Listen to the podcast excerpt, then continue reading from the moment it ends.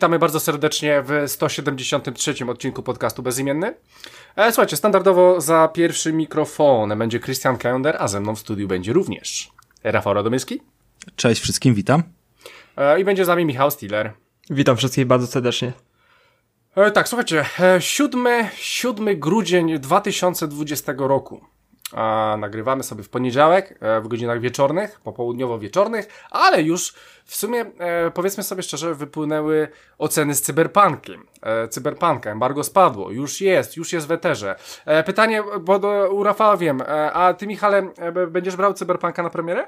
Już mam ściągnięte na Xboxa na dyski, że jest pobrane. Aha, Więc okay. stwierdziłem, po prostu jakiś hype wszedł do mnie, mhm. bo jak się nie jarałem, tak teraz się zacząłem jarać i po prostu stwierdziłem, że mam urlop i teraz taki okres długich wieczorów e, sprzyja do tego, żeby po prostu przyjąć do jakiejś, przysiąść do jakiejś większej produkcji, a że nie mogę przysiąść na tytuły next genowe, bo mam jeszcze starego Xboxa, to sobie Cyberpunka wziąłem na starego Xboxa i, i jestem ciekaw, co z tego wyszło. E, Okej, okay. e, więc e, słuchajcie, Cyberpunk wyszedł, o nim sobie jeszcze powiemy później trochę, bo mam do was pewne pytanie z tym związane. Słuchajcie, więc tak, 173 odcinek, dzisiaj sobie powiemy troszeczkę o tych nowych naszych next-genowych grach. Ja już ostro przejechałem około 25 godzin w Watch Dogsach, Legionie, więc e, powiem wam, co, co, co się dzieje w Londynie e, i czy warto, warto się do niego udać w czasach pandemii. Loty są w sumie tanie. I oczywiście powiemy wam, mm, co się dzieje bodajże w Nowym Jorku, ponieważ Rafał ogrywał Spidermana, Moralesa, no powiemy wam o tej nowej, next-genowej ekskluzywie na E, PS5. E, zobaczycie, czy fajny jest pajączek dalej, e, ale, ale myślę, że jest, jest świetny. No i słuchajcie, będzie mnóstwo gier, jest naprawdę mnóstwo gier, musimy oddać wszystko, bo zaraz wejdzie Cyberpunk i Cyberpunk po prostu zje na pewno następny odcinek, więc musimy wam powiedzieć o milionie różnych dziwnych, fajnych rzeczach, więc może niech o tych rzeczach powie dzisiaj Michał, Michale, co tam u Ciebie? Ja standardowo przyniosłem jakąś e, śmieszną giereczkę, bo ja mam zawsze nosa do takich dziwnych, no śmiesznych masz, giereczek. Masz, ostatnio masz, no. Nikt nie zwraca na nie uwagi, a przychodzę ja, o, gierka dla mnie. No, no, no. Odkryłem gry, grę, która jest polskiej produkcji, wydawca Fobia Game Studio z Warszawy, o, e, producent. E, gra nazywa się Carrion. I była taką produkcją, która gdzieś się ukryła w Game Passie, bardzo, bardzo gdzieś tam w, w tym gromie tytułów się gdzieś ukryła i ją sobie wynalazłem e, przy pomocy mojego kolegi Łukasza, e, który się udziela do nas, u nas na grupie i pozdrawiamy. E, Karion, czyli potwór, jesteśmy, to jest gra horror, w której my jesteśmy potworem i my straszymy ludzi, więc to jest takie trochę odwrócona rola niż z tego, co znamy na co dzień z gier horrorowych, że horrory zwykle straszą nas. Jesteśmy potworem, nie wiadomo jakiego pochodzenia, który wykluł się, wykluł się z próbówki i chodzi po laboratoriach i wszystkich różnych tam bazach wojskowych i po prostu sieje rozpiździel, że tak powiem. E, gra to jest taka trochę Metroidvania 2D, e, straszna pikseloza, mi się ten styl podoba. E, była też tego studia gra, która nazywała się Butcher i ona też leje się krew i po prostu jest strasznie brutalna, prosta, ale, ale właśnie fajna w swojej prostocie i brutalności, że się tam wszystko leje. No i jesteśmy takim potworkiem, który przechodzi przez te, przez te wszystkie lochy, yy, rośnie w siłę. Im bardziej rośniemy w siłę, tym więcej umiejętności zyskujemy, czyli jak już wspomniałem, Metroidvania. I trzeba czasem trochę pomyśleć, yy, żeby przejść z poziomu na poziom, bo jednak różne umiejętności to jest różny sposób przechodzenia przez różne pomieszczenia, drzwi, włazy czy, czy przejścia. Yy, mniejsze, większe przejścia i, i fajny jest właśnie styl rozgrywki, bo, bo tym potworem się tak fajnie przewijamy przez te wszystkie e, pomieszczenia i to, to jest taki fajny flow, jeśli chodzi o poruszanie się i ta gra jest e, bardzo fajna ze swoim klimatem, jeśli chodzi o udźwiękowienie. Bo jak już wspominałem, straszymy tych ludzi, których, których tam spotykamy. Niektórzy zaczynają w nas strzelać, a niektórzy po prostu zaczynają drzeć, drzeć ryja e, w panice i to naprawdę jak gra się w słuchawkach, to, to trochę dreszczykuje przy tym, że ktoś na nasz widok zaczyna ostro drzeć, drzeć ryja ze strachu i przed nami uciekać, więc, więc ta gra trzyma taki surowy, właśnie fajny klimat. Yy, Fajna gra do słuchania podcastów, bo ja zawsze dzielę sobie gry na e, bardziej, gdzie przykuwam więcej uwagi do gry i skupiam się na fabule, dialogach i tak dalej. A to jest taka, e, Karion to jest taka popierdółka, przy której można naprawdę sobie trochę podcastów posłuchać i, i sobie spokojnie postraszyć ludzi i tym potworem e, sobie przeczesywać te wszystkie lochy i pomieszczenia. Mhm. Mm. Ja, ja, ja, nie wiem, czy Rafał nie mówiłeś o tym na podcaście. Tak, mówiłem o Karionie chwilę, no, że, że to jest odwrócony taki, wiesz, przyjemna pikseloza. Tylko, że nie przeszedłem tego za bardzo, tylko pograłem tam ze, ze dwie godzinki i zostawiłem to sobie na tak zwane kiedyś. Ale, ale hmm. faktycznie pod kątem takiego sprawdzenia to bardzo ciekawy pomysł i bardzo przede wszystkim przyjemna mechanika taka bezwodności tego, tego stworka, którym tam kierujemy. Mhm. On jest taki, wiesz, ciężki i tak skacze ze ściany na ścianę w bardzo, bardzo charakterystyczny sposób, którego trzeba się nauczyć. Dokładnie, wszystkie umiejętności warto poznać. No i trochę, trochę da się nie, na niektórych poziomach pogubić, bo jednak e, zyskujemy jakąś moc i musimy przejść czasem przez, przez całą mapkę, żeby sobie posprawdzić, gdzie tą nową moc możemy użyć, bo później wracamy do niektórych pomieszczeń, gdzie już byliśmy i otwieramy sobie nowe drzwi. Więc to spowodowało trochę zamieszanie, że nie wiedziałem przez chwilę, gdzie iść i po prostu kręciłem się bez celu, aż w końcu nie ma wpadłem. żadnego systemu podpowiedzi do tego, nie? Nie ma zupełnie nic. Trzeba po prostu mniej więcej kojarzyć, aha, tutaj były te drzwi, to tam się wrócę i teraz je otworzę. Niestety, żeby to wszystko spamiętać po takich wszystkich... E, bo robi się, zapętla się to wszystko tak dziwnie, strasznie i, i gdzieś tam te planowanie to, poziomów to, to gdzieś tam trochę leży. Taka pojedyncza plansza, tylko ona ma swoje płaszczyzny, że wchodzisz w jakieś tunele i wychodzisz jakby w innej głębi tej planszy nie? Więc, więc Dokładnie, i tam trzeba miejsca. później przechodzić i później nie trzeba korzystać z tych specjalnych przejść, tylko wystarczy przejść naokoło i się znowu jest w tym samym miejscu co kiedyś. I to właśnie jest ten level design gdzieś tam e, trochę cierpi na tym, ale mi się wydaje, że Phobia Game Studio z Warszawy to jest po prostu początkujące studio, które gdzieś tam pierwsze kroki w takich produkcjach stawia i myślę, trzymam za nich kciuki, że po prostu więcej takich ciekawych produkcji powstanie, bo Butcher był fajny, e, trochę prosty, ale, ale właśnie miał fajny klimat. No i Carrion, e, gdzie już jest bardziej rozbudowany pomysł niż Butcher. Butcher to bardziej była taka próba, żeby te studio po prostu wydało jakąkolwiek grę, a Carrion to już, było, już jest taka gra z pomysłem. Gdzieś jej brakuje, warto sprawdzić, tym bardziej z Game Passie za darmo. E, nie wiem ile kosztuje na, na Steamie, bo też na Steamie jest e, Polecam, żeby jako ciekawostkę z Game Passa naprawdę warto sprawdzić. E, tak, e, to tyle u Michała. Tym razem będę ja. E, nie dam Rafałowi, tylko ja sobie będę. Słuchajcie, e, powiem wam tylko o jednym e, serialu dzisiaj. E, powiem wam o takim serialu, który jest teraz bardzo popularny.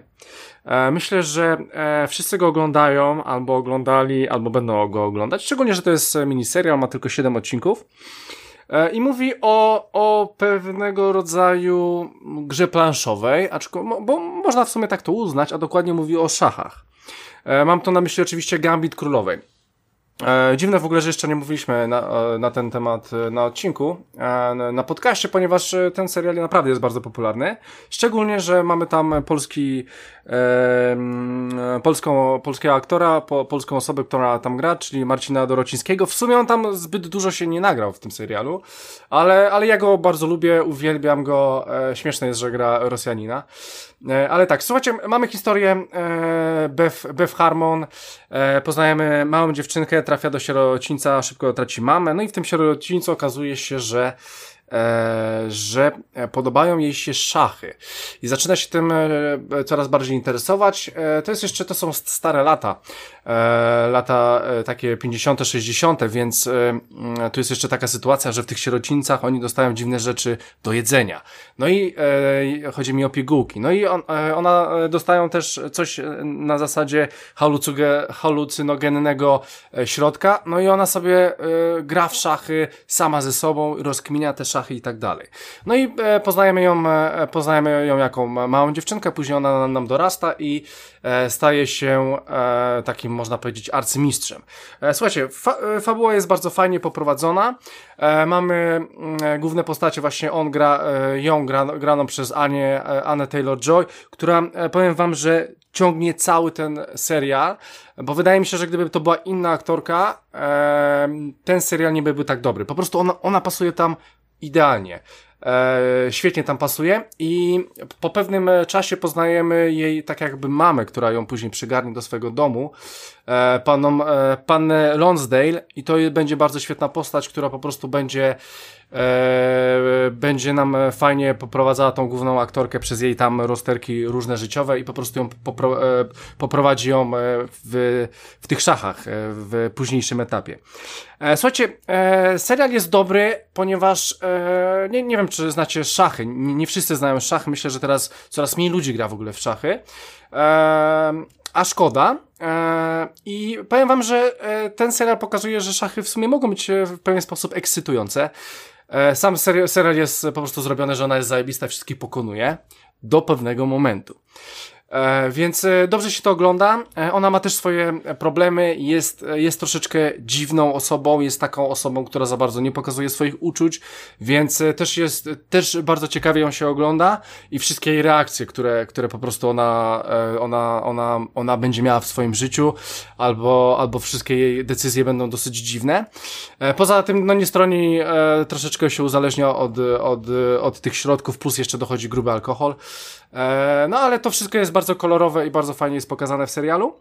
E, powiem wam, że, wam szczerze, że to jest bardzo dobry serial. E, nie jest jakiś wybitny, e, nic z tych rzeczy. Taki ósemkowy, dobry, porządny serial. E, z tym, że moim zdaniem te 7 odcinków jest za dużo. Myślę, że tam po, tak pod koniec w, w dwóch trzecich on się tam niepotrzebnie rozciąga i dałbym mu, zrobiłbym go na 5 odcinków i wydaje mi się, że, że wyszłoby dużo, dużo lepiej. Fakt, faktem, że naprawdę to jest dobry serial, jak najbardziej do polecenia. E, no, z Marcinem Dorocińskim, więc, e, więc e, jak najbardziej polecam. Dobrze się przy tym bawiłem.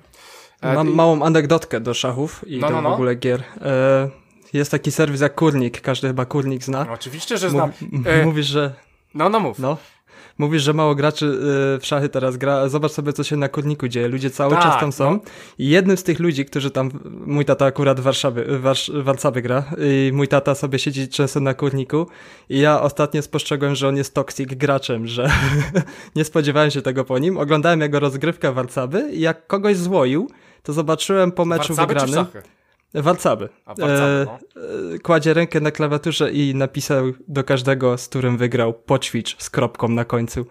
I ja powiedziałem, nie tato, jesteś toxic graczem, tak nie można. Ale e, po, powiem ci szczerze, tak, no właśnie, właśnie, właśnie to, jest, to jest, ten serial też e, fajnie pokazuje, jak Netflix e, zmienia nastroje w społeczeństwie, tak, bo e, Netflix sobie wymyślił serial o szachach i teraz cały świat gra szachy, jak pojebani. E, w ogóle słyszałem informację, że na przykład na Amazonie szachy, jakieś tam edycje szachów, po prostu szachy do kupienia, ich cena wzrosła trzykrotnie. Ludzie zapisują się teraz do klubów po, można powiedzieć, po głupim serialu, tak na dobrą sprawę, ale to tylko pokazuje, jak właśnie taka, taki, taka głupa, e, głupia usługa e, streamingowa mm, stwarza, stwarza, nie wiem, szansę i na dodatkową taką odbudowę tych szachów. No bo powiedzmy sobie szczerze, że ja dawno już nie grałem w, szacha, w szachy. Grałem może jak miałem, nie wiem, 15 lat, 10-15 lat i tyle. I później już jak byłem dorosły nie, nie grałem, bo są lepsze, e, fajniejsze gry tego typu.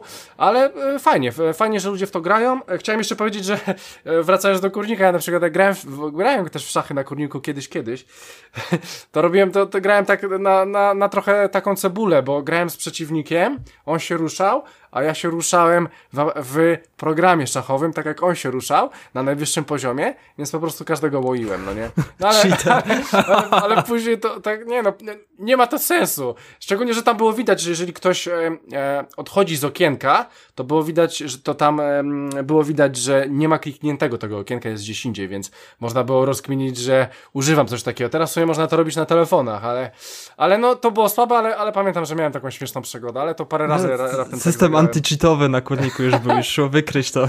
E, no, więc, e, więc e, tak to było właśnie. Więc tak, serial, serial jak najbardziej polecam, miło się go oglądało, wielki sukces Netflixa. Rafale, co tam u ciebie? No cóż, od czego zacząć? Należałoby zapytać. E, jak starczy czasu, to może też wam wspomnę o jednym filmie, a może w ogóle to odpuszczę. Mhm. Natomiast po, po, pogadajmy sobie trochę o grach, bo e, nawet na ostatnim odcinku ledwie co wspomniałem o, o Astrobocie, którego powiedzmy, że e, traktujemy jako wyposażenie PS5, a niepełnoprawną grę, więc, więc pozostaniemy przy tym, co po prostu tam, tam już było powiedziane. Niemniej jednak yy, miałem zaliczonego już, już wtedy Spidermana, bo dosyć yy, poszedł szybko po premierze i to wcale nie szybko, dlatego że jakoś wybitnie był krótką grą. Yy, tutaj też yy, myślę, że warto powiedzieć, że przejście całej gry z wszystkimi misjami pobocznymi. Jeszcze nie, nie wyczyściłem 100% mapy z jakichś tam mm, wszelkich aktywności, powiedzmy, potrzebnych do trofeum i tak dalej, e, ale tak zdecydowanie większość, bo, bo, bo zwyczajnie gram w Spidermana zawsze w ten sposób, że kiedy coś się dzieje, to reaguję, a nie po prostu, że tylko główny wątek, a potem czyszczenie mapy mm, lub na odwrót. I spędziłem w tej grze 15 godzin. Teraz możemy to o wiele lepiej szacować, patrząc na, yy, na to, to, tą funkcję w playce, która pozwala spojrzeć na długość gier. Praktycznie yy, wszystkich z PS4 i PS5, które mamy gdzieś tam zaliczone w bibliotece. Yy, to jest 15 godzin rozgrywki, gdzie podstawka Spidermana zajmowała mi około 30 chyba, czy coś w tym stylu. I, i on faktycznie był sporo dłuższy, więc to jest dłuższa gra, znaczy jakby więcej mi zajęła, przynajmniej przyjemniej się na pewno ją, yy, jakby ten czas dodatkowy spędzało w tej grze niż, niż załóżmy w takim Uncharted zaginione yy, dziedzictwo, które tam chyba 11 godzin yy, mi zajęło, czy 12, no i jakby bez porównania z, z nie wiem, kampaniami w Call of Duty, które, które są na 5-6 godzin, yy, jak tak sobie nawet dzisiaj robiłem pewne porównanie, więc na pewno nie, nie, nie zarzucę tej grze, że jest za krótka i że te 15 godzin jest tutaj bolączką jakąś, bo wycięto chociażby takie sceny chodzone, na które narzekałem w oryginalnym, e, tym pierwszym Spider-Manie, że po prostu pozbawieni mocy skradamy się tam jakąś dodatkową postacią, wtedy to była Mary Jane i właśnie Miles jeszcze Morales bez mocy. E, tych, tych swoich, które pozyskał, pajęczych I, i co najmniej kilka godzin traciliśmy z tych 30 wtedy na takie, takie wydłużone po prostu bezsensowne trochę sceny skradania. Tutaj, tutaj mamy chyba tylko taką jedną przez, przez całą grę i troszeczkę inaczej gdzieś tam e, zorganizowaną. Sama gra jest, e, no widać ewidentnie, że na tym samym silniku, ale sporo pracy jednak w ten Nowy Jork zostało włożone i to była bardzo fajna decyzja, że mm, zdecydowano się na, na okres świąteczny i Nowy Jork w zimie, bo, bo jednak on wygląda y, dość mocno inaczej i, i, i przez to, że właśnie wszystko jest przymrożone, przypruszone śniegiem, y, poozdabiane na, na sposób świąteczny, bo, bo wiemy, że w Stanach to jest straszna y, moda na to, żeby, żeby wszystko odpalić w jakieś tam mm, ładne ozdoby. Co prawda, no nie, nie sprawdziłem wszystkich charakterystycznych punktów dla Nowego Jorku, które zwykle co roku są zdobione, ale trochę tego tutaj było. E, plus poruszamy się też w dużej mierze w innej części tego Nowego Jorku niż e, e, przy pierwszej, i, znaczy przy jakby przy głównej grze, w związku z czym mamy poczucie jakby skupienia się na innej części miasta, której nie znamy, a ta mapa, no ten Nowy Jork jest naprawdę na tyle duży, tak dobrze odwzorowany i tak rzadko, yy, znaczy tak często przemieszczamy się powiedzmy dynamicznie gdzieś tam w, w górze, w górnych partiach tych budynków, że nie schodzimy na ziemię, nie widzimy jak dużo tam jest fajnych, yy, fajnych szczegółów, fajnych elementów, które yy, można dostrzec. I, i pamiętam, że yy, chociażby w jedynce dopiero po przejściu całej gry, dopiero po, yy, podczas jakiegoś tam bujania się przy okazji dodatków, znalazłem znalazłem coś takiego, co było yy, taką dziwną estakadą jakby autostradową, która była puszczona nad ziemią yy, i ona była w trakcie budowy tak jakby. I zacząłem sobie podążać ją yy, w kierunku jakby, wiesz, żeby zobaczyć, gdzie ona się zacznie. I potem się okazało, że skończyły się jakby roboty budowlane i tam był taki, nie wiem, park jakby na tej estakadzie, nie? Coś, coś wiecie, w tym stylu, taki deptak. Ona nie była jakby zamknięta dla samochodów i faktycznie się ciągnęła przez, dajmy na to, kilka kilometrów.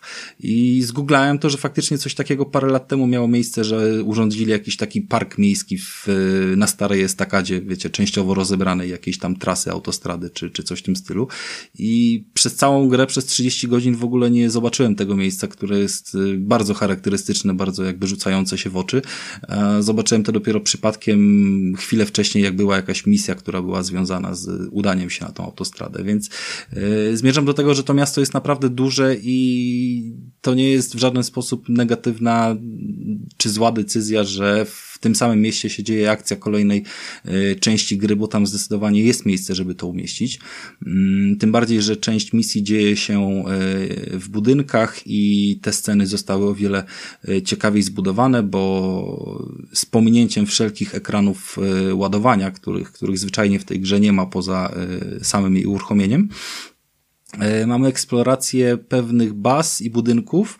E, normalnie na zasadzie takiej, że wchodzimy sobie do takiej bazy przez E, lufcik wentylacyjny, od razu w stylu Snake'a z Metal Gear'a w, wiecie, przeczołkujemy się tam kawałek przez wentylację, wychodzimy i, i jesteśmy gdzieś tam w tej bazie, musimy się jeszcze do niej włamać, musimy z, z rozwiązać jakąś tam powiedzmy zagadkę logiczną, w jaki sposób będziemy coś tam otwierać i tak dalej, i tak dalej.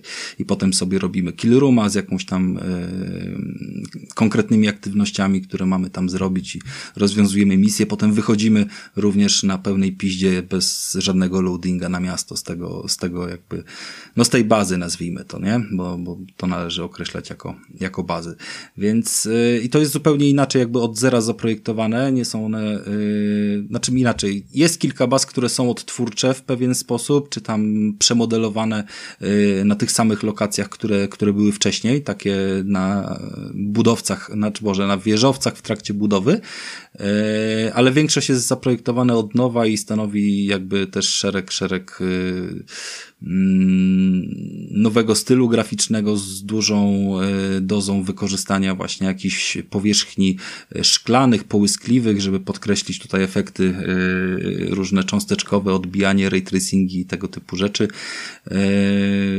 trochę nowych broni wśród bossów i trochę nowych y, zachowań u, u, wrogów, mniejszych i większych, szereg nowych umiejętności i nowe drzewko samego Milesa, też jest jakby ono zupełnie inaczej mm, rozwinięte, mniej stawia na gadżety, które y, Peter Parker y, sobie składał, a, a zdecydowanie więcej na jakieś tego specjalne moce, które on dodatkowo posiada, które w sumie znamy, no bo gdzieś tam każdy oglądał chyba już coś z tym Milesem, chociażby Spider-Verse animowane i, i to nie jest tajemnicą, że on potrafi y, stać się niewidzialny w określonych sytuacjach y, oraz jakiegoś tam prądu używać do swoich ciosów, więc na tym się skupia jego rozwój postaci jakby w dwóch torach i, i trzeci tor to jest jakiś taki ogólny, sprawnościowy, y, dodatkowe umiejętności ulepszenia i to też spowoduje, że jego jakby walka jest od nowa, tak? Wal, znaczy całego modelu walki musimy się nauczyć w dużej mierze od nowa, bo nowe ciosy, nowe kombinacje.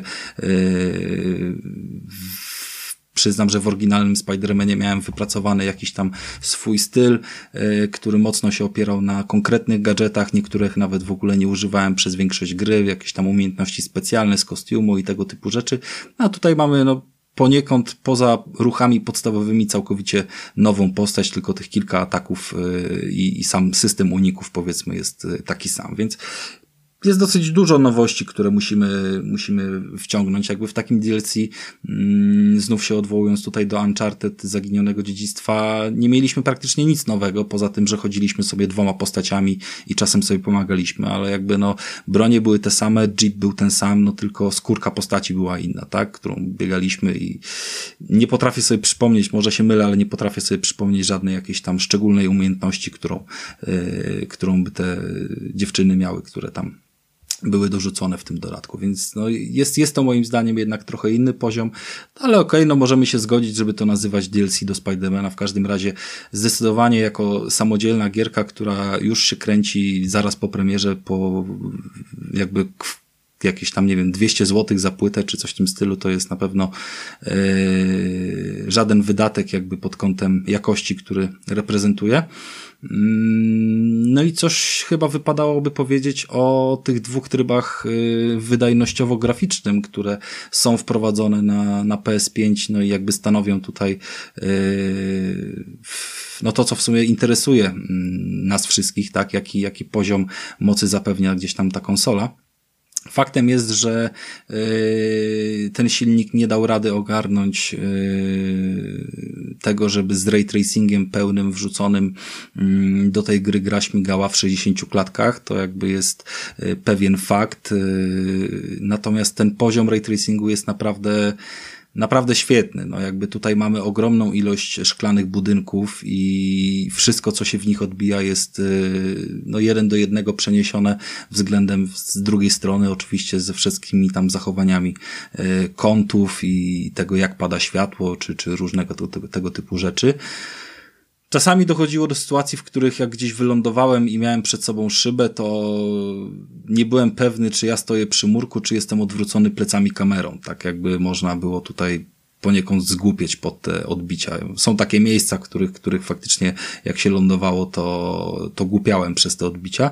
Natomiast yy, przyznam, że przy tej dynamice rozgrywki, która, która jakby daje zarówno walki, jak i bujanie się po mieście na naprawdę e, fajnych prędkościach e, samej postaci, to jednak zakochałem się w trybie 60 klatek, e, tym bardziej, że on dalej działa w wysokiej rozdzielczości, bardzo jakby czystej mm, grafice i tam wciąż są i były już wcześniej bardzo y, fajnie przygotowane, chociaż udawane i sztuczne, to jednak y, dobry efekt dające mm, odbicia, które nie są ray tracingiem, tylko, tylko jakąś tam sztuczką. Y, I wolałem faktycznie grać w tych 60 klatkach z pominięciem tego ray tracingu. Szczególnie, wiesz, że do różnych, no chciałem tylko powiedzieć, że do różnego rodzaju scenek, kiedy naprawdę widzieliśmy twarze postacie z bliska i chociażby chęci zrobienia zdjęcia, czyli włączenia jakiegoś jakiegoś trybu mm, fotograficznego, to gra się i tak automatycznie przełączała w tryb e, tej najwyższej jakości, w związku z czym e, w żaden sposób to nie kuło, że, że nie wiem, coś tam było wyłączone. E, jak teraz tak mówisz, Rafale, to wiesz, chciałbym sobie zobaczyć coś takiego, trzecią opcję. E, 60 klatek, ray tracing, ale full HD. Chciałbym zobaczyć, jak, to, jak tak, taka gra by wtedy wyglądała. Wiesz co, myślę, że ta ostrość jednak by kulała, mając na uwadze, znaczy to by się na pewno przydało, bo Wiem, że wciąż dużo osób gra na mniejszych telewizorach, yy, nie do końca skupia się na 4K, albo są to monitory i, i różne tego typu rzeczy. Yy, ja sobie troszeczkę już nie wyobrażam Full HD jakby w no, kontekście. Ja troszkę tej... już też, ale jako Trochę to, to, znaczy to, się, to, się, to się szybko zmienia, powiem ci, to się szybko zmienia bardzo i gdzieś to miałem jakby, yy, zwracałem na to bardzo uwagę, szczególnie jak na Xboxie grałem i, i odpalałem gry, które nie były ulepszone w żaden sposób, to rozmawialiśmy o tym ostatnio, że tam chyba się Battlefield yy, któryś włączył, czwórka yy, w trybie z Xboxa One S nieulepszony i to było 900p i to był po prostu okropny widok jakby samej tej rozdzielczości rozdzielczości. Ale Jakby... E, ty, ty Rafale grałeś e, w 60 klatkach. Spróbowałeś sobie ray tracing, ale i tak wróciłeś do 60 znaczy, klatek. Znaczy co, parę, parę godzin pograłem faktycznie w tym zwykłym trybie, ale jak już wszedłem na 60, to też było związane z tym, że standardowe ulepszenie postaci powoduje też, że dodajesz jej kopa, yy, speeda i zaczynają te walki faktycznie interesująco wyglądać. Faktycznie masz tyle możliwości ruchu różnego, że panujesz nad tym i wtedy potrzebujesz tych 60 klatek, żeby wiesz, żeby czuć fajnie płynność tej roz, rozwałki i jakoś specjalnie, wiesz, nie, nie, nie, nie bolało mnie to, tak? No różnica no właśnie, była taka, że w poszczególnych no. scenkach widziałem, że kamera była już, parę razy przełączyłem to sobie w późniejszych etapach gry, żeby zobaczyć właśnie jak wygląda chociażby e, taka walka w, w tych zamkniętych, e, nazwijmy to bazach, w których dużo było mm, tych elementów szklanych i jakichś komputerów. E, to faktycznie robiło wrażenie, ale no ja faktycznie wybierałem w tym momencie 60 klatek, pomimo że sam zakładałem wcześniej, że, że raczej będę stawiał tutaj na full, y, full obraz, full jakość, nie? W sensie dynamikę. W sensie zakładałem, że będę chciał grać w jakości, a sam się zaskoczyłem tym, że wolę. Aha, o to, aha, zdziwiłeś się, aha, tak? rozumiem. Tak? Jakby to, to było, sam, sam byłem tym zaskoczony, ale to, to tej grze bardzo przystoi. Wydaje mi się, że yy, zresztą sam nam opowiesz dzisiaj o, Legiona, o Legionie, o Watch Dogsach tak. i tam nie mamy tego wyboru. Nie, tam nie mamy tego wyboru, mamy 4K. Ale nie, nie czuję w ogóle jakby oburzenia względem tej gry, że, że jakby tam by, by mi było jakoś bardzo potrzebne te 60 klatek. No nie, Bo dynamika nie jest zdecydowanie jest wolniejsza. I teraz grając w The Last of Us 2, e, tam mam 30 klatek, tam nie ma jakby, wiesz, opcji póki co przynajmniej upłynnienia do 60. Leci to oczywiście w full jakiejś tam jakości 4K i jakieś te wszystkie, wiesz, efekty, czyli taka wersja z Pro na, na, na pełnej płynności, ale nie jest to odblokowane i i mnie to wcale nie boli. Jakby w tej grze nie czuję takiego dużego bólu, żeby to yy, było niezbędne, aczkolwiek no też w jedynkę na przykład grałem w wyborze 1800p i 60 klatek, nie? Zablokowane. Czy tam coś w tym stylu. Tam chyba były trzy opcje w The Last of Us jedynce, którą, yy, która dostała patcha do, do PS Pro. W każdym razie, wracając do Spidermana, sama historia mi się bardzo też podobała, bo y, bardzo dużo elementów gry zostało mm, dopasowanych do, do stylu Myersa. On jest no, jakby inną postacią i ja pierwszy byłem jego przeciwnikiem. Jak wyszło szydło z worka, że będzie Miles Morales i kiedyś sobie o tym rozmawialiśmy jako fan Spidermana, yy, Pierwszy byłem jego przeciwnikiem, nie podobało mi się to i był taki mocno dziecinny. Nie ukrywam, że nie jestem wciąż fanem jego głosu w polskim dubbingu i finalnie zmieniłem sobie ten dubbing na angielski. E, swoją drogą tam dalej są jakieś przypały, tak jak było w jedynce, że e, jak masz ustawiony dubbing. W jedynce było tak, pamiętasz, że jak graliśmy na polskim, to wciąż część osób na ulicy gadało do ciebie tekstami e, NPC, wiesz, po angielsku. Mhm. Teraz jest na odwrót. Teraz nawet jak ustawisz angielski, to dalej niektórzy do ciebie nawijają po polsku, czy tam w jakichś określonych scenach, nie wiem, przy walce, czy coś, już nie pamiętam. A, a, a powiedz mi, Rafale, bo ty masz pudełkową wersję. Tak, pudełko, tylko że to jest ta podstawka, nie? W sensie nie, nie brałem rozszerzonej do... Tak, tak, ale e, powiedz mi, czy na pudełku masz na napisane PL? Znaczek PL? Yy, jest, tak, oczywiście. A jest, aha, czyli masz e, normalnie e, wersję tylko i wyłącznie na Polskę i jest to tylko w Polsce. No dobra, o, o to mi tylko e, chodziło mniej więcej. No, nie wiem jak to tam dokładnie jest zrobione, ale wiem, że y, komuś się tak... musiał ten dźwięk pobrać i tak. To jest jakby oznaczenie wersji gry, ale to się pobierało w Władce, bo ktoś pisał, że nie ma tego dubbingu, bo odpalił grę od razu bez łatki. Dopiero jak drugi raz uruchomił grę po łatce, to mu wskoczył polski język. No, Gdzieś to było na jakiejś grupie. Na przykład ja mam Watch Dogsy, e, pudełko, tutaj kupiłem w Anglii. No i nie mam po polsku na przykład. Mam w sumie tylko angielski i bodajże rosyjski. W sensie do wyboru nie masz, nawet jak masz tak, język konsoli. nie mam. Tak. No to do... u ciebie takie sytuacje mogą się zdarzać, pewnie jakbyś no, nawet rozmawialiśmy dzisiaj o sytuacji z kontami. To jest pewien, mhm.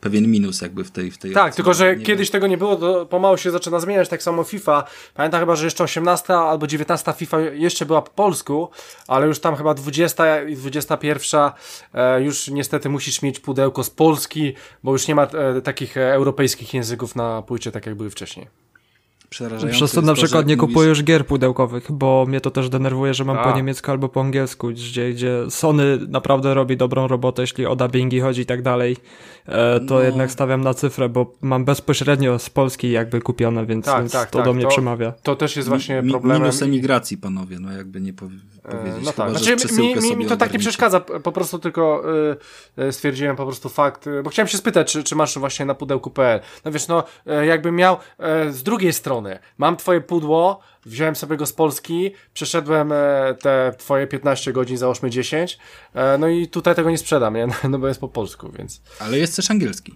I, e, ale mówisz, że ludzie mówią po polsku, tak? E, nie wiem jak, znaczy inaczej. E, przy języku konsoli polskim pobrała no, mi się no, automatycznie łatka ale Aha. angielski jest wgrany domyślnie. Aha, no to może jest, to dobra, no okay. To jakby na pewno będzie działało po angielsku bez problemu, tak? Mhm. Tylko kwestia samego przestawienia, on po prostu gdzieś tam miał dziurę już w poprzedniej części i tego widocznie nie do końca naprawili. To tam, wiesz, zerowe ma znaczenie praktycznie, no ale no jakby wszystkie misje i to, co się tam dzieje, to, to, to jest mówione po tym języku, który jest wybrany. Tam się to zdarza raz na jakiś czas przy jakiś, jakiś randomowy tekst puszczony. Eee, natomiast no nie pasował mi głos tego dzieciaka dzieciaka i go sobie zmieniłem na angielski. W oryginale on już jest troszeczkę e, lepszy, no bo jednak mówimy tutaj o e, Milesie, który, który jest e, czarnoskóry, tak? No, nie wiem dokładnie, czy on w sumie jest, znaczy on jest czarnoskóry, no to nie jest jakiś tam Meksykaniec. Dokładnie tam nie pamiętam historii jego pochodzenia i, i tak dalej, ale ewidentnie czujemy tutaj klimat trochę rapu, trochę tworzenia muzyki. Mm, to też jakby z tą postacią jest na ściśle, na sztywno związane.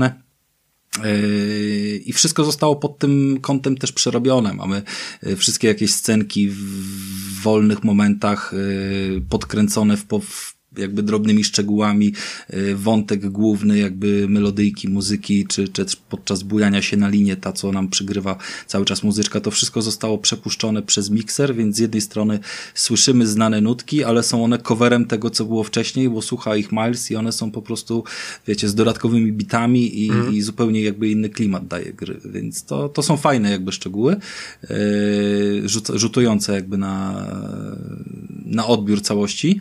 Yy, jest kilka smaczków, może nie będę tutaj zdradzał wszystkich, bo jeżeli ktoś faktycznie planuje w to jeszcze zagrać, to niech one będą miłą niespodzianką. Myślę, że nie będą stanowiły pominięcia, dlatego że yy, raz, że gdzieś tam są zahaczone o jakieś dodatkowe aktywności czy też misje.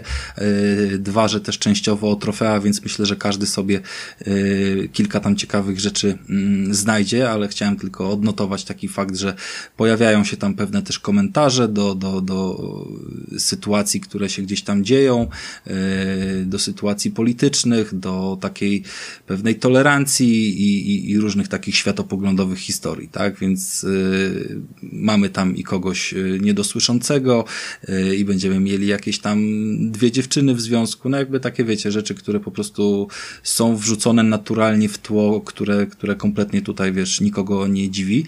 Natomiast chyba najlepszym plusem, pomimo, że trochę ta e, gra oczywiście stara się nam przybliżyć e, postać Milesa, który jakąś tam historię już w komiksach ma napisaną, ja jej oczywiście nie znam, bo tych komiksów nie śledzę, a Petera Parkera to już wszyscy oglądali tą historię od 60 lat ponad, wiesz, kilkukrotnie i wszyscy wiemy, jakie tam były yy, sztampowe elementy, takie, takie kamienie milowe jego, wiesz, kariery od ukąszenia pająka przez te wszystkie tam dziewczyny i, i, i wrogów.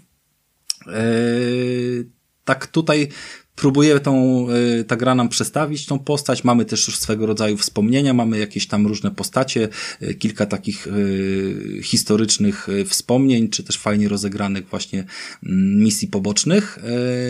I, I to jest spoko. Mi się to bardzo podobało, bo pomimo, że lubię tego oryginalnego Spidermana, jego humor i, i Petera Parkera, to Tutaj jest inaczej. Tutaj po prostu yy, mają czystą kartkę i nie boją się jej zapisywać, tak? Nie zapominamy o tym, że sobie gdzieś tam istnieje drugi Spider-Man, ale tutaj yy, nie czujesz sobie, wiesz, przy kolejnej rzeczy, że aha, wzięli to, tylko zamienili sobie z tym i to jest ich wersja tej historii, nie? co już jest totalnie, wiesz, po prostu pojebane po 60 latach, bo nikt nie wie, jak było naprawdę, wiesz, przy, przy tych wszystkich wersjach.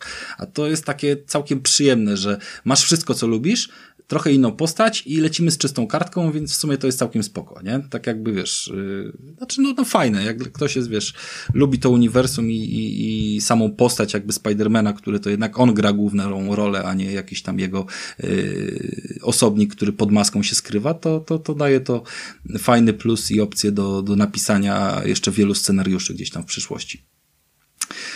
No i w sumie to tyle, no, z takich rzeczy, co chciałem powiedzieć. Chciałem a, a, a, a Rafale, no? A Rafale, pod, pod wpływem tego e, bohatera poprzedniego, e, Petera Parkera, e, który bohater był dla ciebie fajniejszy? Do, do którego, którym byś jeszcze sobie polatał po Nowym Jorku? Wiesz co? To jest ciężkie pytanie, ale.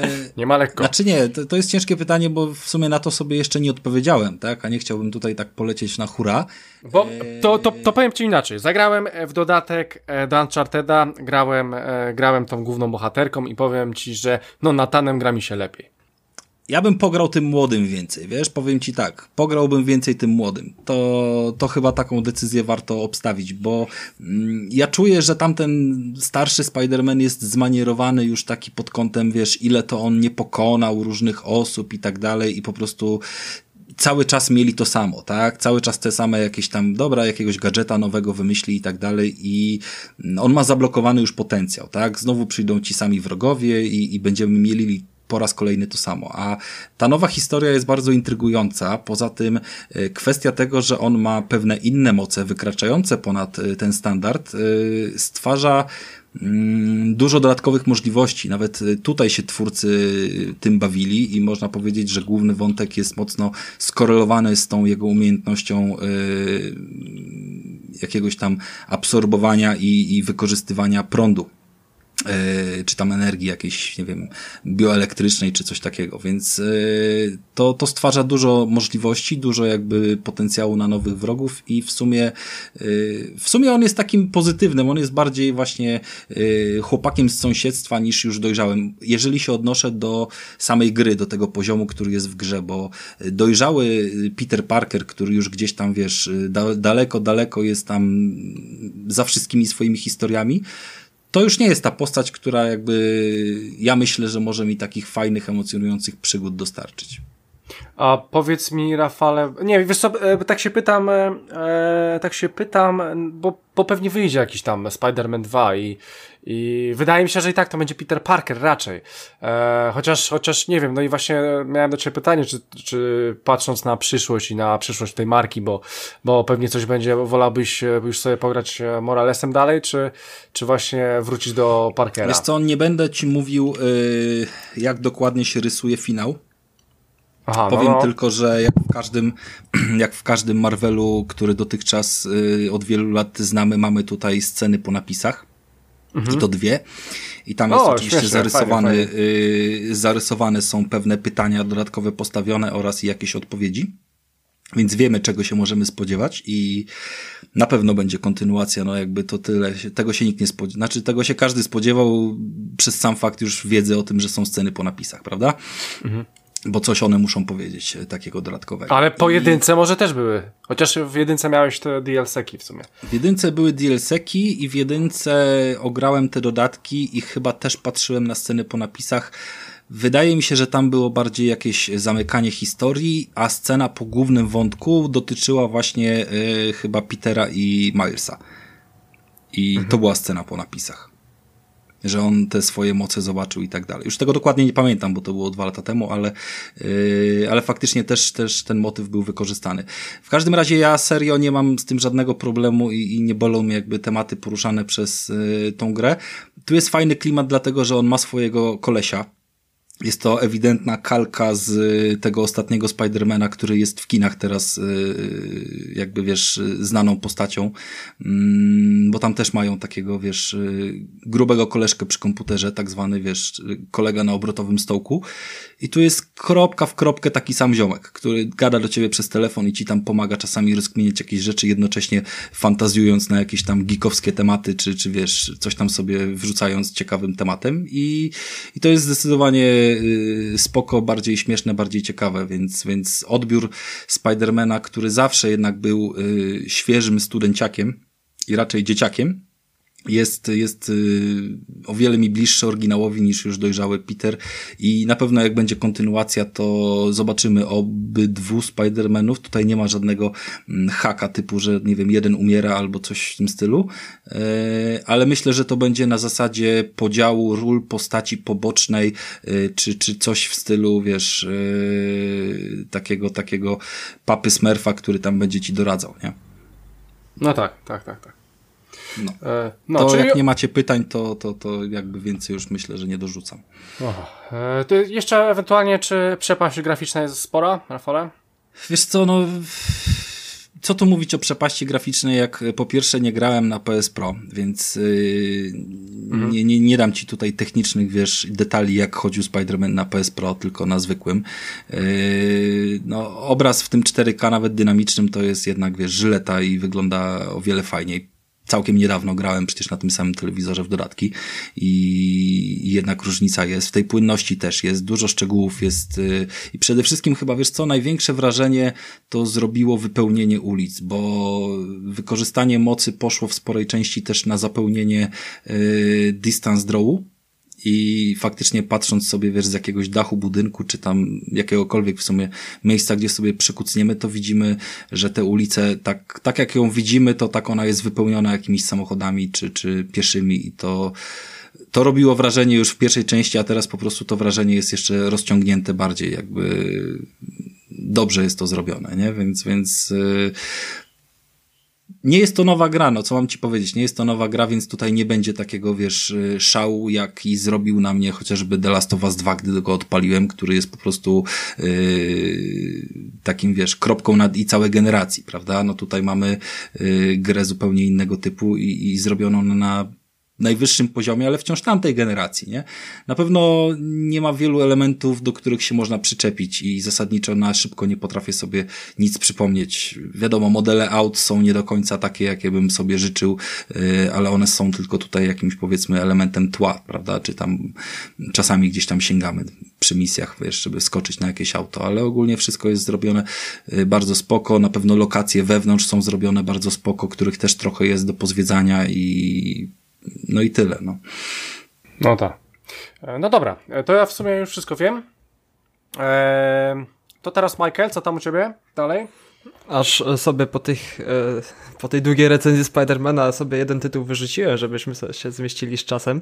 Nie, w porządku, tak 40... Nie, no, 40 zawsze jest tak, że nie robimy 40... tego, co Krystian ma, więc się nie przejmuj. Z, nie, nie, nie, wystrzał. Ej, dzisiaj chcę trochę poszaleć. 40, nie, o Watch 45 na pewno warto opowiedzieć. 45, o kurde. A ja, no ja, mam, ale, ja mam dwa tematy. Ale ja w swoim Hyde Parku dużo nie będę mówił, więc... Okej. Okay. E, była promocja na grę, którą, na którą polowałem, bo promocje na Nintendo, gry z Nintendo to naprawdę się bardzo rzadko zdarzają i wpadła promocja z okazji Black Friday na Zelda Link's Awakening, czyli...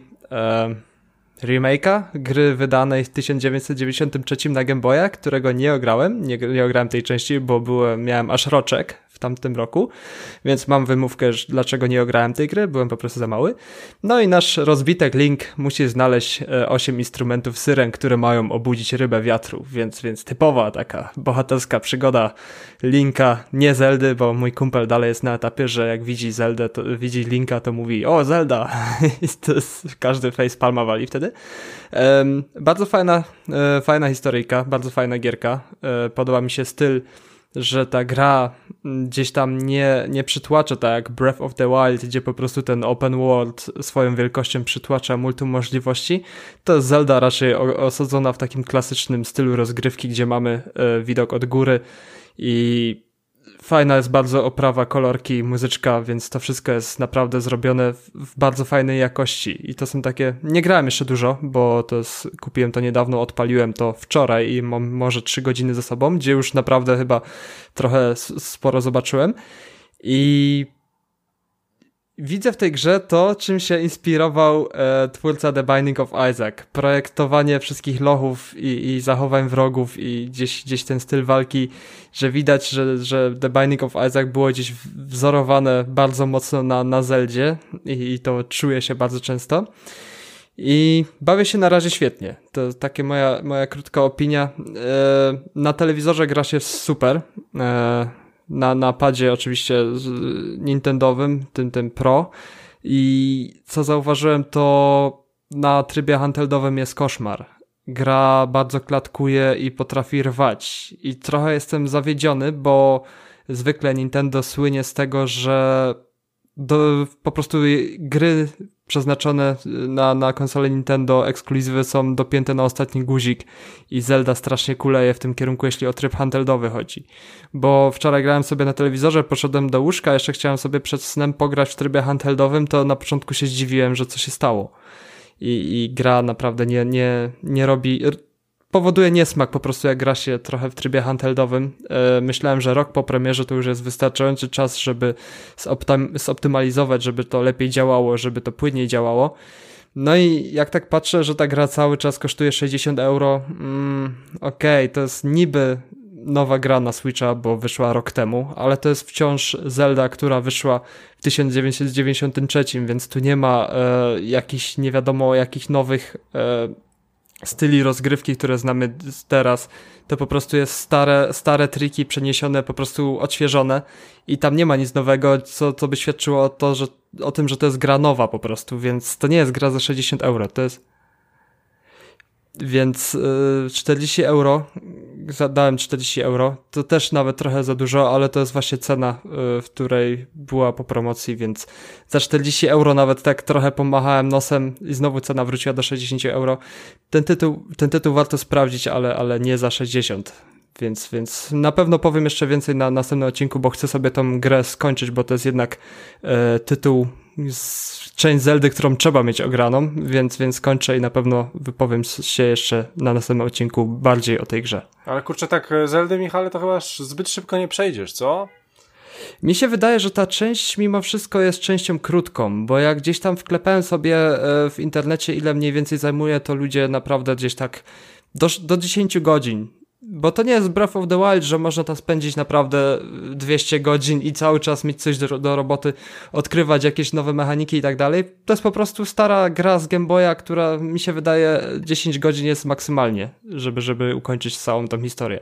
Historia zapowiada się naprawdę fajnie, bo, bo jest, jest co robić. Yy, cały czas posuwamy się, się do przodu, nabywamy nowych umiejętności, no i, i czasem jest to właśnie wychodzi ten old school, że teraz gry prowadzą za rękę i w Zeldzie naprawdę czasem można się zgubić, gdzie przychodzą do, z pomocą takie małe domki, gdzie można chwycić za telefon i telefon gdzieś tam wskazówkę może dać.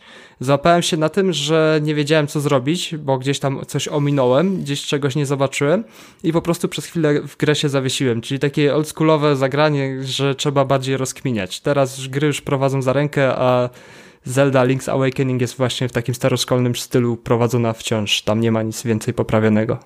Mhm. E, no tak, to fajnie. E, no to Zelda, e, to teraz ja. Słuchajcie, chcę troszeczkę wrócić do tego cyberpunku. Ja już kompletnie nic nie mam. Watch Dogsy, Watch Dogsy, chciałem jak najwięcej powiedzieć na odcinku i powiem wszystko, co się da o Watch Dogsach.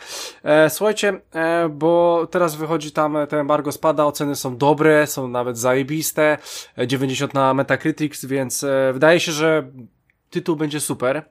E, martwi jedna rzecz, jedna rzecz na, na, pewno martwi. Teraz na komputer świat e, e, wyszła taka informacja, że, że gra jest tak na dobrą sprawę w, alf, w alfie, może w grubej becie i nawet komputer świat e, pisze, że, że, że źle działa. E, ja teraz czytałem właśnie tą recenzję na GameSpocie. GameSpot dał 7 na 10, więc dał naprawdę bardzo nisko, ale, ale tylko oni wyjątkowo. E, możecie w sumie to olać, ale, ale dla mnie to jest jakaś tam wyrocznia. Oni piszą, że praktycznie każda misja im e, przycinała, dlatego e, już Cyberpunk ma patcha i zaraz wyjdzie kolejny patch, e, day 2 patch można powiedzieć, e, więc ogólnie po prostu obawiam się, że mogą być grube problemy techniczne, jeżeli chodzi o Cyberpunka. Właśnie jestem, jestem ciekawy tego, znaczy będziemy na pewno już o Cyberpunku gadać na kolejnym odcinku, pomimo, tak, że jeszcze tak, pewnie więc... tej gry nie skończymy, tak, bo bierzemy z, na premierę z Michałem, ja też biorę na premierę. Super. Ale, ale, ale jeszcze zróbcie eksperyment i nie ściągajcie patcha.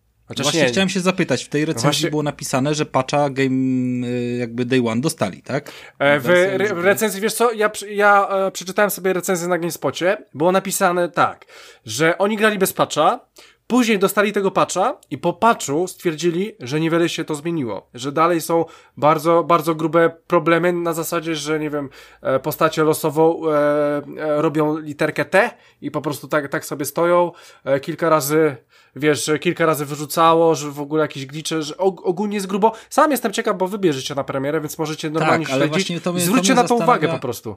To mnie no. Na pewno zwrócimy uwagę na bugi, bo bugi teraz są okropnym jakby problemem. Na pewno Watch Dogsy. Tak, i o tym też powiem, o tym też powiem. Jakby tutaj pięknym przykładem i na pewno Valhalla też y, była, szczególnie przed patchem, wiele tam rzeczy jakichś, wiesz, się działo. Yy Natomiast wszystkie recenzje, które na chwilę obecną poszły dzisiaj po tym embargo, takie wiesz, najgorętsze, są wszystkie z pecetów. I jeszcze nie ma żadnych informacji odnośnie tego, jak to idzie na konsolach, bo widocznie nie można na konsolach jeszcze recenzować gry, jakby dostępu do patcha mieć i tak dalej.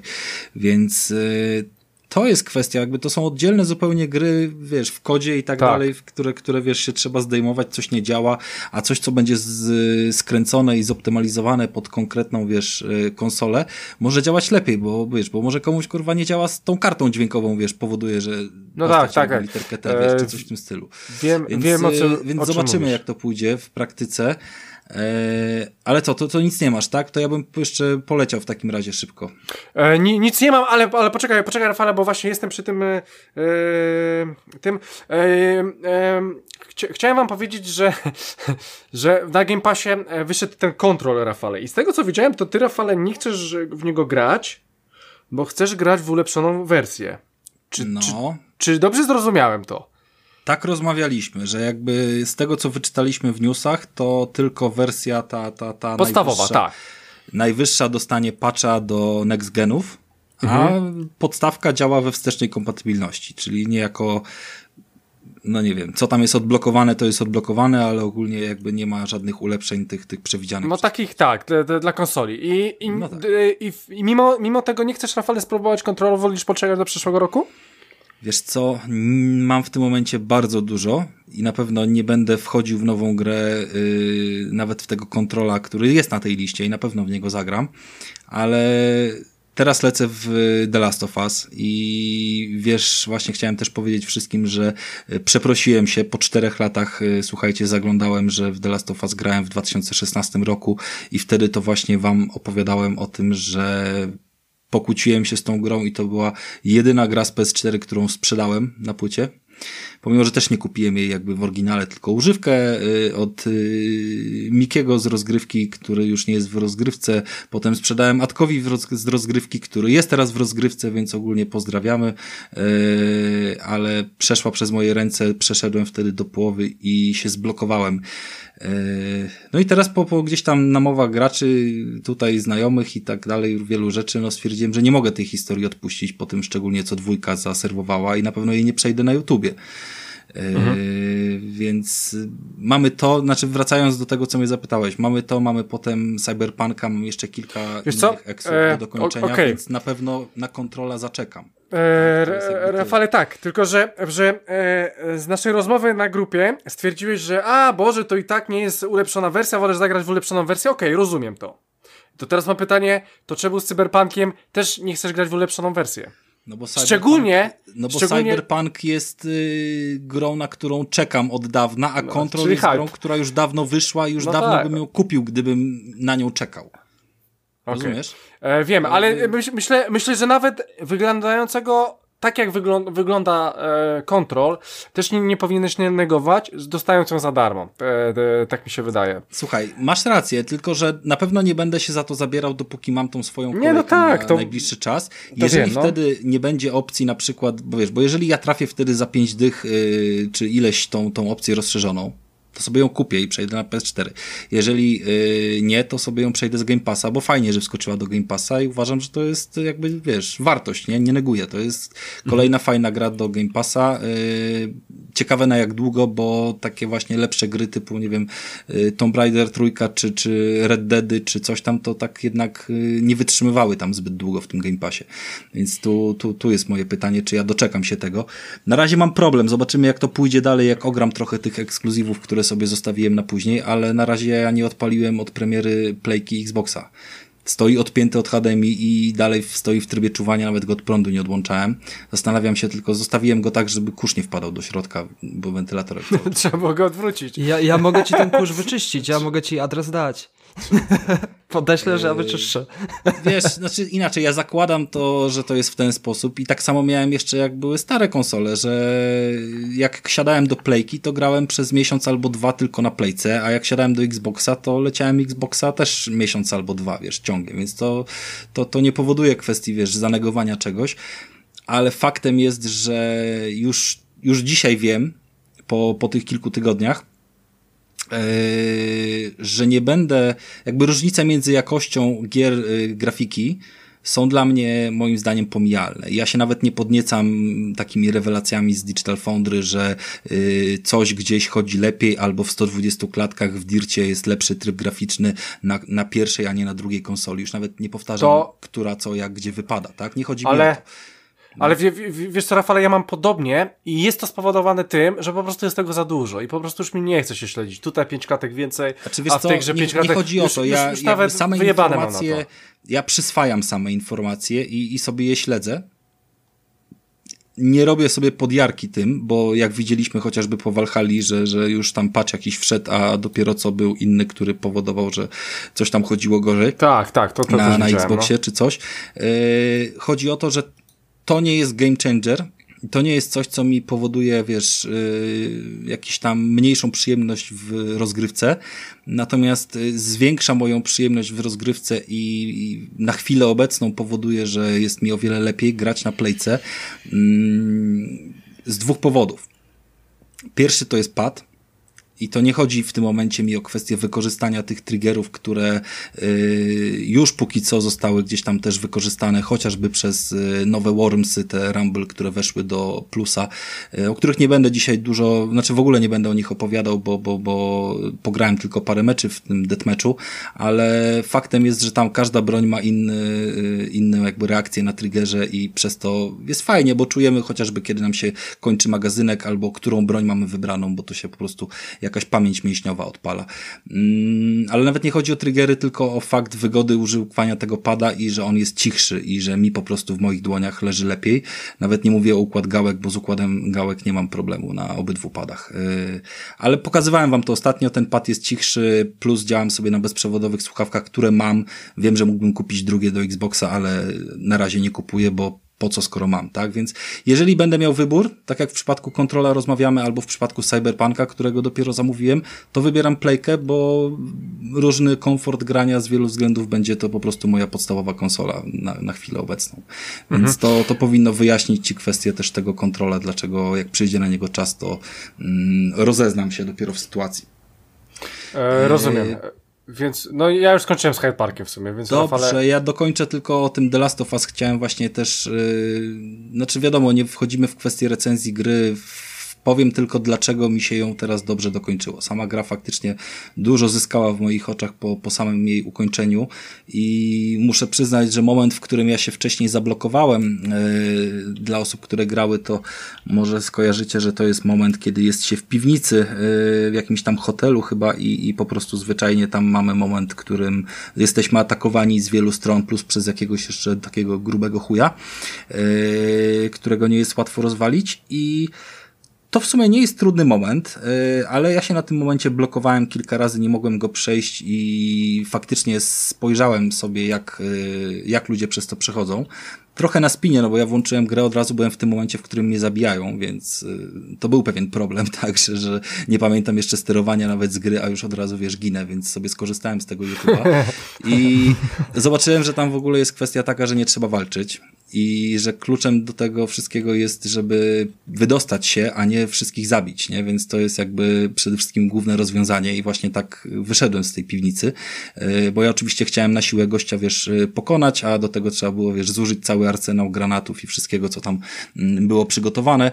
E, w późniejszej części gry takich gości zabiłem jeszcze pięciu i nie miałem z tym problemu, więc jakby mówię, to był fragment, w którym można się było zblokować i ja się w nim zblokowałem, a potem praktycznie bez żadnego, może nie wiem, dwa, trzy zgony gdzieś tam w jakichś miejscach i jakby tą grę, wiesz, przeszedłem do końca, więc yy, chyba mi troszeczkę odporność wzrosła na, yy, na pewne sytuacje w grach, takie, które po prostu mnie gdzieś tam blokowały, odrzucały jakby ten klimat zginilizny i zombie to tak prywatnie, ale na pewno dużą bardzo zmianą też yy, było to, że ta gra chodzi obecnie w właśnie w tych 1800p lub nawet pełnym 4K, zależnie jaki tam ilość klatek limitu stawimy yy, i wygląda po prostu o wiele, wiele jeszcze czytelniej lepiej.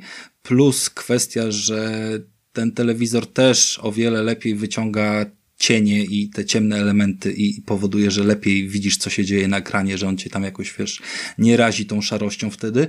E, no i po trzecie, że zacząłem korzystać ze słuchawek, tak? I nie chodzi tutaj o to, czy te słuchawki są zajebiste, czy nie, tylko, że po prostu w tej grze dźwięk jest bardzo przystosowany pod 3D i czy ktoś gra na kinie domowym, czy na słuchawkach, to już jak kto lubi, ale to jest gra, w której jest to po prostu element niezbędny wyposażenia, bym nazwał. Po prostu daje ci plus 50 do rozeznania w sytuacji, skąd co dla ciebie biegnie. Nie musisz w ogóle się bawić w ten tryb nasłuchiwania, bo, bo wszystko słyszysz tak naprawdę w tych słuchawkach, kto gdzie coś tam, wiesz, klika i, i, i gdzie należy się odwrócić, gdzie unikać, więc yy, jestem tym zaskoczony i, i na pewno będę w dwójkę też, yy, znaczy już zacząłem i gram w ten sam sposób.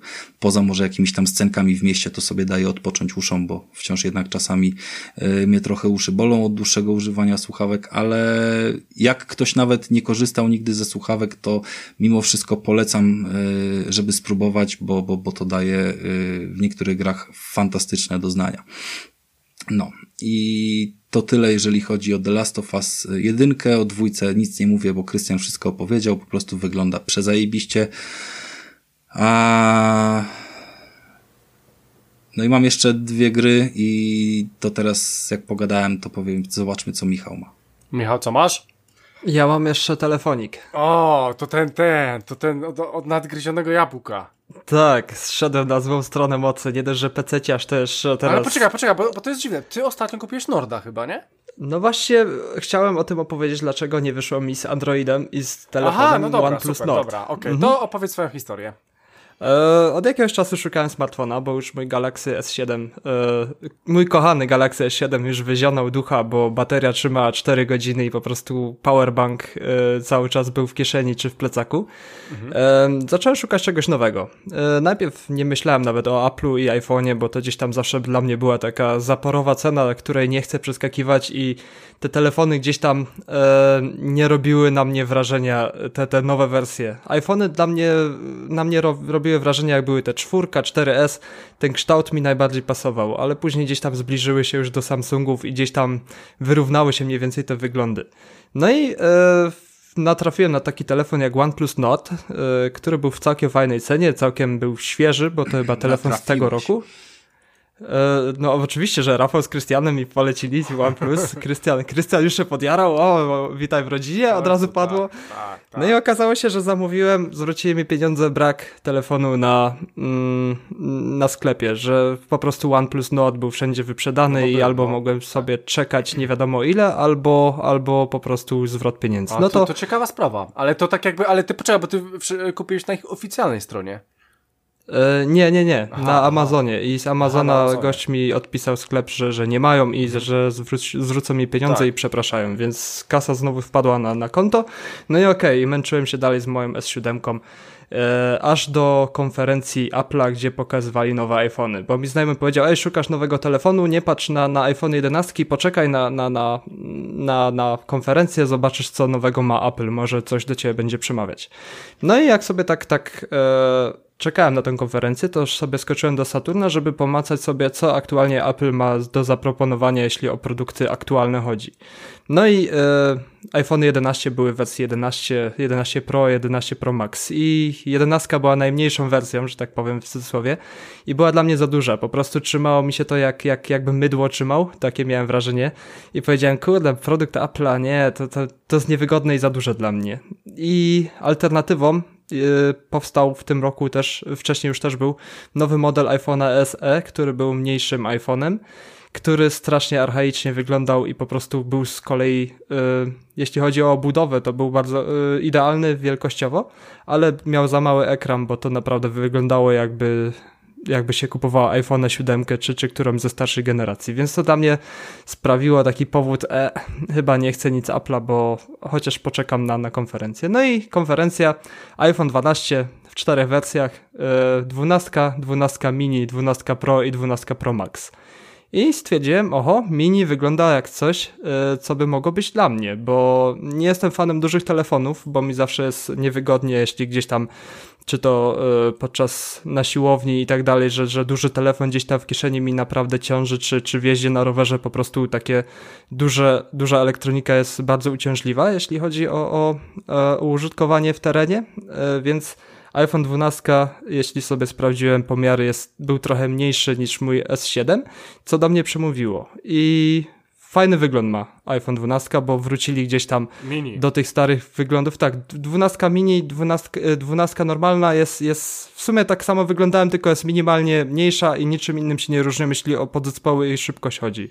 Więc to był taki plus, bo zwykle gdzieś tam się trafia, że jak jest jakaś wersja mini jakiegoś flagowego smartfona, to jest zwykle jakaś okrojona, jeśli chodzi o jakość systemu, że, że tam wolniej chodzi i, i że ma jakieś tam y, minusy, żeby po prostu Kiedyś... z tej sceny Kiedyś, kiedyś Sony robiło, nie wiem czy pamiętacie, ale jak Sony robiło swoje jakieś Xperie y, modele flagowe, to, to, to do nich wypuszczało wersję Light, czy tam jak ona się nazywała, która była pomniejszona, ale właśnie miała y, tak samo upchnięte powiedzmy wszystkie podzespoły. Różniła się może nieznacznie jakąś tam głupotą, nie? Ale, ale ogólnie zapewniała tą samą jakość. Tylko niestety oni nie, nie mieli takiej siły przebicia. Tutaj iPhone trafił w tą, tą niszę i faktycznie te mini ma spore zainteresowanie przez to, że wreszcie idzie w stronę pomniejszania, a nie powiększania z powrotem taki trend odwrócony. No i w sumie Samsung też miał, bo miałem S5 w wersji mini i nie pamiętam, czy już po tej S5 były, mini. Wszystkie Samsungi, które wychodziły kiedyś w wersjach mini, to były. One były wykastrowane. One były upalone, tak. to były, wiesz, udawane y, takie, takie wysokie wersje. Tak naprawdę bebechy z poprzedniej wersji zwykle miały w ogóle jeszcze, wiesz, na, na poziomie. Dokładnie, ale samą wielkością mi pasowały właśnie i przez to byłem fanem wersji mini, bo wielkość jednak e, mi bardziej odpowiadała. No i zainteresowałem się naprawdę tym iPhone 12 mini. Jest, jak go dostałem do swoich rąk, to pierwsze wrażenie było e, takie wow, jest naprawdę mały, ale ten ekran jest tak fajnie zrobiony, że on jest po prostu po całej obudowie. Nie jest jakimś super bezramkowcem, co teraz jest, jest bardzo popularne, tylko po prostu fajny ekran jest otoczony aluminiową, że tak powiem, ramką, bo telefon bardzo fajnie się trzyma, z przodu szkło, z tyłu szkło, a, a rand jest zimny i aluminiowy. I okej, okay, e, fajnie zaprojektowali, ale i tak teraz żyjemy e, w takich czasach, że po prostu razem z telefonem kupuje się case'a do telefonu i kupiłem sobie takiego case'a, że niektórzy nawet mi, mi zadawali mi pytanie, dlaczego zasłoniłeś logo Apple'a w case'ie, z case'em. Ja mam takiego case'a, gdzie nie widać z tyłu loga Apple'a, ja powiedziałem, ja nie potrzebuję, żeby ktoś mm, patrzył, nie potrzebuję tego szpanu, że mam telefon z Apple'a i żeby to było widać. Mm, I kupiłem sobie. telefon Apple to żaden szpan, no jakby wiesz. chociaż, chociaż jakbyś nie miał dwunastki w porównaniu, to, byś, to bym mógł cię wkręcić, że to jest dwunastka, bo byś mógł się nie zorientować, jeśli nie miałbyś e, dwóch telefonów obok siebie, nie mógł, mógłbyś się nie zorientować, że to jest mini nawet. Więc to jest fajnie zrobione. To mi się bardzo podoba. No i y, kupiłem sobie, y, bo mi się znudziła czarna elektronika, mimo że jestem fanem Xboxa, że jest nowy, jest czarny, a, a tak kręcę nosem na nowe PlayStation 5. Tak, kupiłem sobie iPhone'a, wyobraźcie sobie, w wersji czerwonej bo pomyślałem, wybiorę sobie coś z tych jaskrawych kolorów, a kolor czerwony na e, Apple Store to jest wspieranie jakiejś tam fundacji aktualnie chyba walczącej z COVID-em, więc stwierdziłem, ok, kupię iPhone'a i mimo tego mm, zrobię jeszcze coś do tego, żeby, żeby wspomóc gdzieś tam jakąś fundację, więc to był taki kolor czerwony, ok. I jestem trochę zawiedziony tym kolorem, bo jak e, kiedyś trzymałem iPhone'a 11 w wersji czerwonej, to był naprawdę czerwony a ten dwunastka w czerwieni jest jakby taka sprana czerwień, że gdzieś tam się już kilka razy, nie wiem, czerwoną koszulkę sprało i ta czerwień gdzieś tam y, traci na, na takiej sile. Mimo wszystko wygląda bardzo fajnie, jak już wspominałem, zakryłem czerwonym case'em, więc na tego te, wyglądu tego telefonu takiego prawdziwego zupełnie nie widać. E, nie wyobrażam sobie użytkowania tego telefonu bez case'a, bo jest naprawdę aluminiowa obudowa i, i z przodu szkło, z tyłu szkło jest naprawdę śliskie w ręce, więc trzeba naprawdę mocno chwycić, żeby po prostu nie zrzucić sobie 700 chyba euro na ziemię, bo to by był trochę płacz. No i zakleję oczywiście ekranik e, tym folią.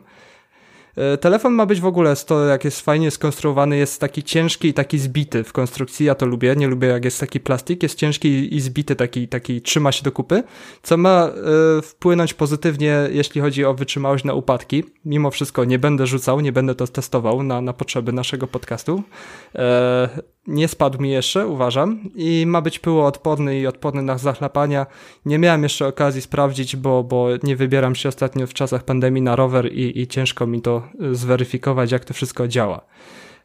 A jak działa sam telefon? Bo wszyscy mówią, to znaczy krąży gdzieś tam e, jakaś teoria, że jak, się, jak ktoś się przesiądzie na iPhone'a, na iOS'a, to już nie wróci do, do, do Androida i uważam to za taką bajkę, że, że sam nie rozumiem tej teorii, gdzie jeśli ktoś by nie miał, mm, myślę sobie, Androida czy, czy Apple'a, na przykład mamy rodziców, rodzice chcą się prze, prze, przestawić na, na smartfony, e, myślę, że Android jest lepszym, lepszą propozycją dla ludzi, którzy chcą wejść w smartfony, bo ja miałem naprawdę problem, żeby przyzwyczaić się do obsługi iPhone'a i po trzech tygodniach, jak już mam tego iPhone'a, yy, dalej mam gdzieś problem z, z intuicyjnym, intuicyjną obsługą tego systemu, bo niektóre rzeczy, niektóre przesuwania w lewo, w prawo, żeby sobie wrócić w aplikacji do poprzedniej zakładki, czy przewinąć w każdej aplikacji jest to inaczej.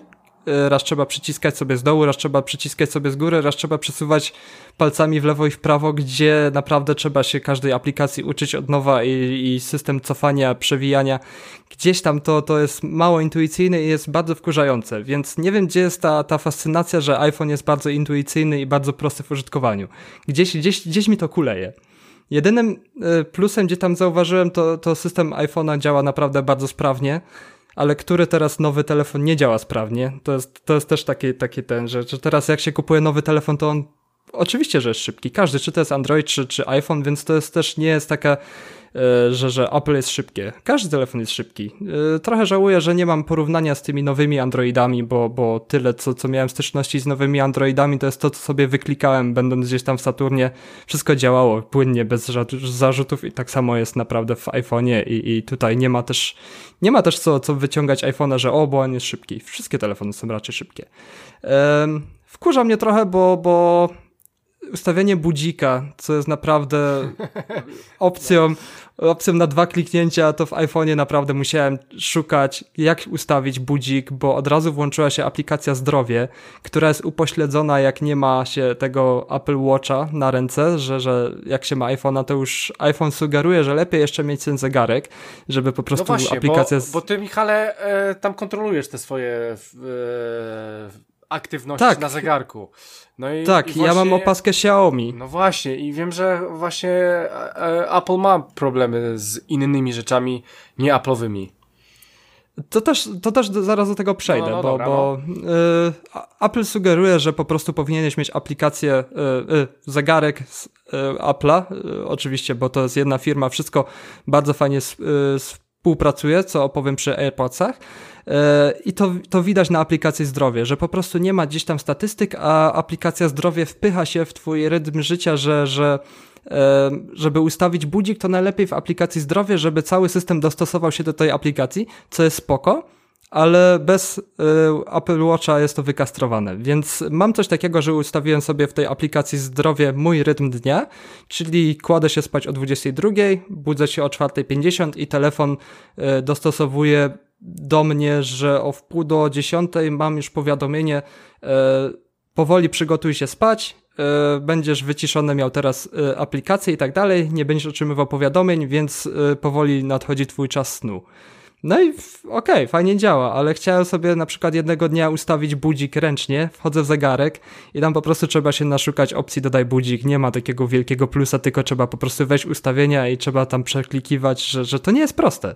Tak samo nie jest prosta galeria, która jest wbudowana standardową, standardowo jak, jako starter, e, bo to jest strasznie, straszne jest sortowanie zdjęć. E, w Androidzie był ten plus, że miało się wszystkie foldery, czy tam zdjęcia zapisane z Facebooka, czy, czy zdjęcia zapisane z Discorda, czy zdjęcia zrobione samemu, WhatsApp i Messenger i wszystko, wszystko się fajnie dzieliło automatycznie foldery, a w iPhone'ie jest to strasznie upośledzone i jak się zrobi gdzieś zdjęcie i przy okazji dostanie się tysiąc memów od swoich znajomych, to to zdjęcie trzeba szukać po prostu wśród tych wszystkich memów.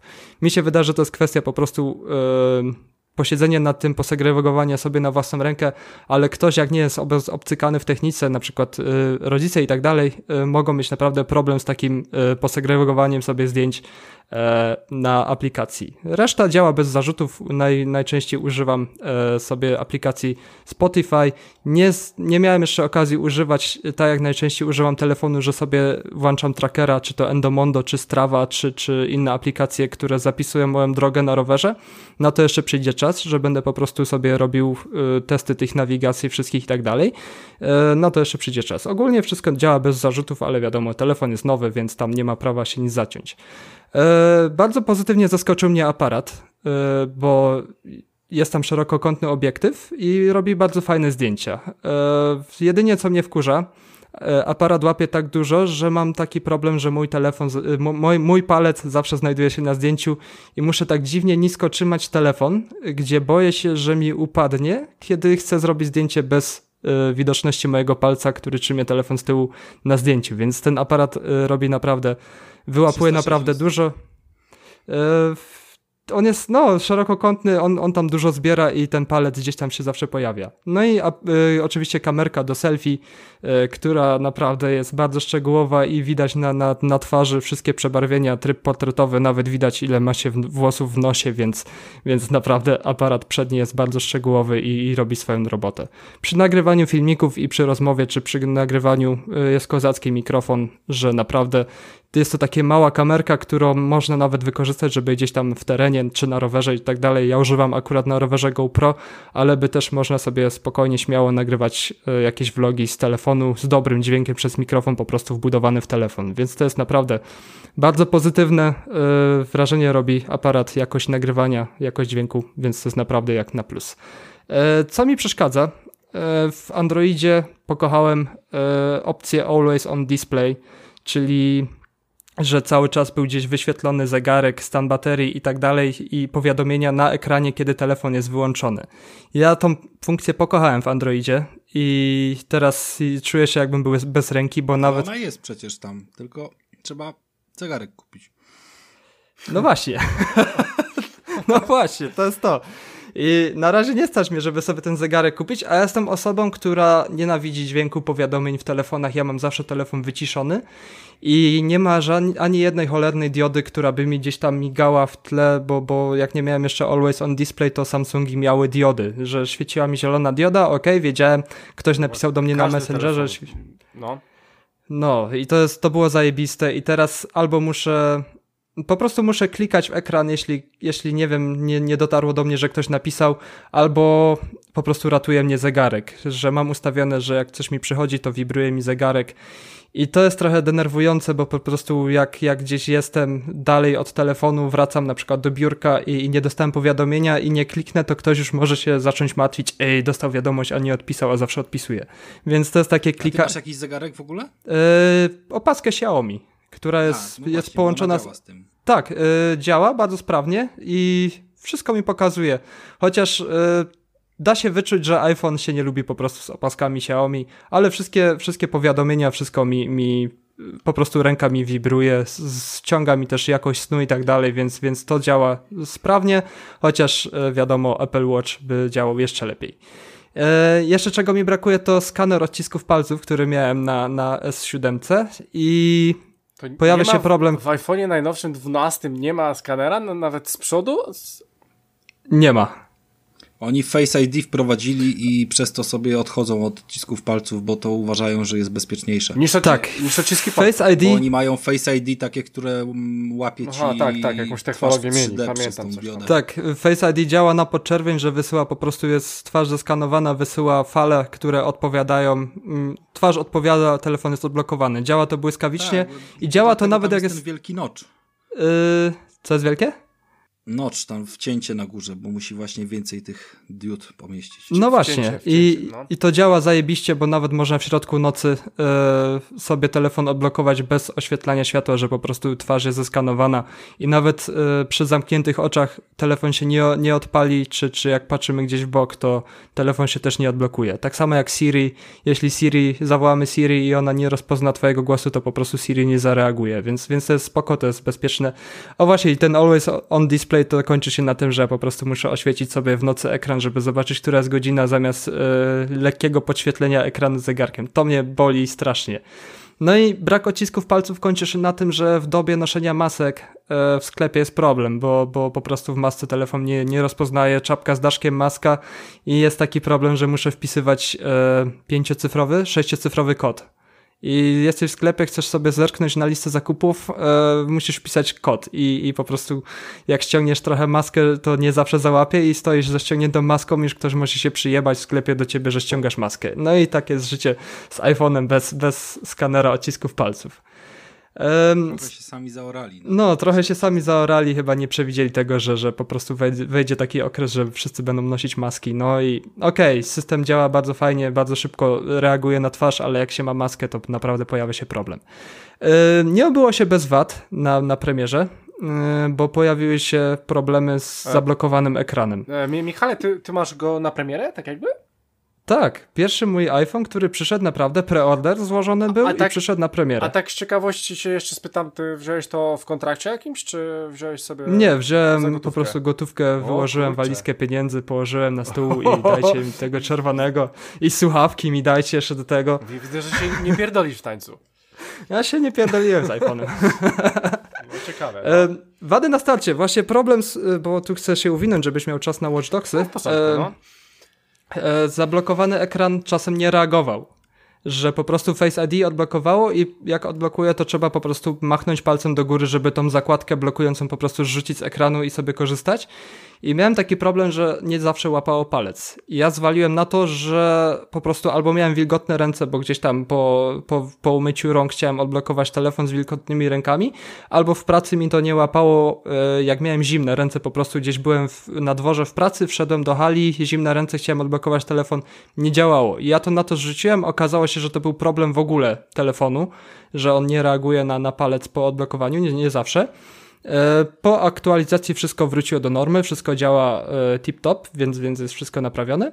No i pojawiły się na początku opinie o bardzo słabej baterii, która gdzieś e, miała bardzo słabo trzymać. I okej, okay, pierwszy dzień przed aktualizacją byłem w pracy i jak odpiąłem telefon o 5 rano z ładowarki, tak o wpół do pierwszej, gdzie jeszcze do końca roboty było trochę czasu, podpinałem powerbanka pod telefon, gdzie stwierdziłem, ja pierdolę, zmieniłem telefon i dalej trzyma tak słabo jak moja S7. Ale e, po aktualizacjach i tak dalej, e, bateria trzyma już coraz dłużej, coraz dłużej i mam wrażenie, że im dłużej tego iPhone'a mam, tym dłużej bateria trzymie, gdzie czasem w sobotę rano, w sobotę rano odpiąłem z ładowarki i ładowałem dopiero w niedzielę po południu, więc mi, mi się wydaje, że jak na dobę smartfonów, gdzie, gdzie ta technika jest już tak ogarnięta, że, że taki okres baterii jest najbardziej, jak najbardziej pozytywny. E, dużo z kontrowersji pojawiło się w tym, że iPhone nie ma dodawanej ładowarki do telefonu. Jest po prostu pudełko, jest kabel. Nie ma żadnej e, ładowarki, którą możemy sobie wpiąć w kontakt oraz brak słuchawek. E, dla jednych to jest plus, dla innych to jest minus. Ja należę do tych, dla których to jest plus bo okej, okay, ograniczamy trochę te słuchawki, ja nie używałem nigdy zestawowych słuchawek z telefonu i zawsze gdzieś tam się walają po pudełkach, po szufladach i tak dalej, więc dla mnie to jest jak najbardziej plus, że oni nie dają takich tanich, e, gównianych słuchawek za darmo do, do, do, do telefonu, mogą, mogą sobie to oszczędzić. A kwestia ładowarki to jest kwestia tego, że ja po prostu ładuję sobie kamerkę GoPro z taką specjalną ładowarką Sony, którą sobie kupiłem do GoPro i tam jest USB typu C, więc kwestią tego, że podpinam sobie kabel, który był w zestawie pod ładowarkę do GoPro i ładuję w ten sposób telefon, więc dla mnie to nie był żaden problem, że nie ma ładowarki w zestawie. Yy, I jeszcze co chciałbym szybko dodać, to AirPodsy sobie zamówiłem w tej wersji standardowej, bo jest jeszcze wersja AirPodsów Pro. Wow. Y więc słuchaweczki jak najbardziej są. Rozbiłeś Jestem bank, ostatni... rozbiłeś bank. Roz, rozbiłem bank, ja wygrałem w totka. Przypominam, że nie kupił sobie konsoli nowej. A, no tak, nadrabia telefonem teraz. No tak, bo nigdzie nie mógł kupić, nadrabia Ale... telefonem. Zauważ, Krystian, że tak jego, przesiadka z Samsunga y, Galaxy 7, który już, już kilka lat ma y, i zdecydowanie na pewno nie był ani ostatnią, ani przedostatnią generacją Androida, no. to, to, to, to, jego wrażenia są trochę takie jak nasza przesiadka z podstawowych wersji konsol na, na nową generację. Tak. A e, Michale, pa pamiętasz w tym Samsungu, jakiego Androida ostatnio miałeś? Oj, nie mam pojęcia, ale już dawno nie było aktualizacji. Jakieś pomniejsze były, ale naprawdę kulało. Już, już Samsung był na granicy, że, mhm. że dostałem kurwicy no, już ciekaw, po prostu czy, z tego. Czy miałeś na przykład dziesiątkę?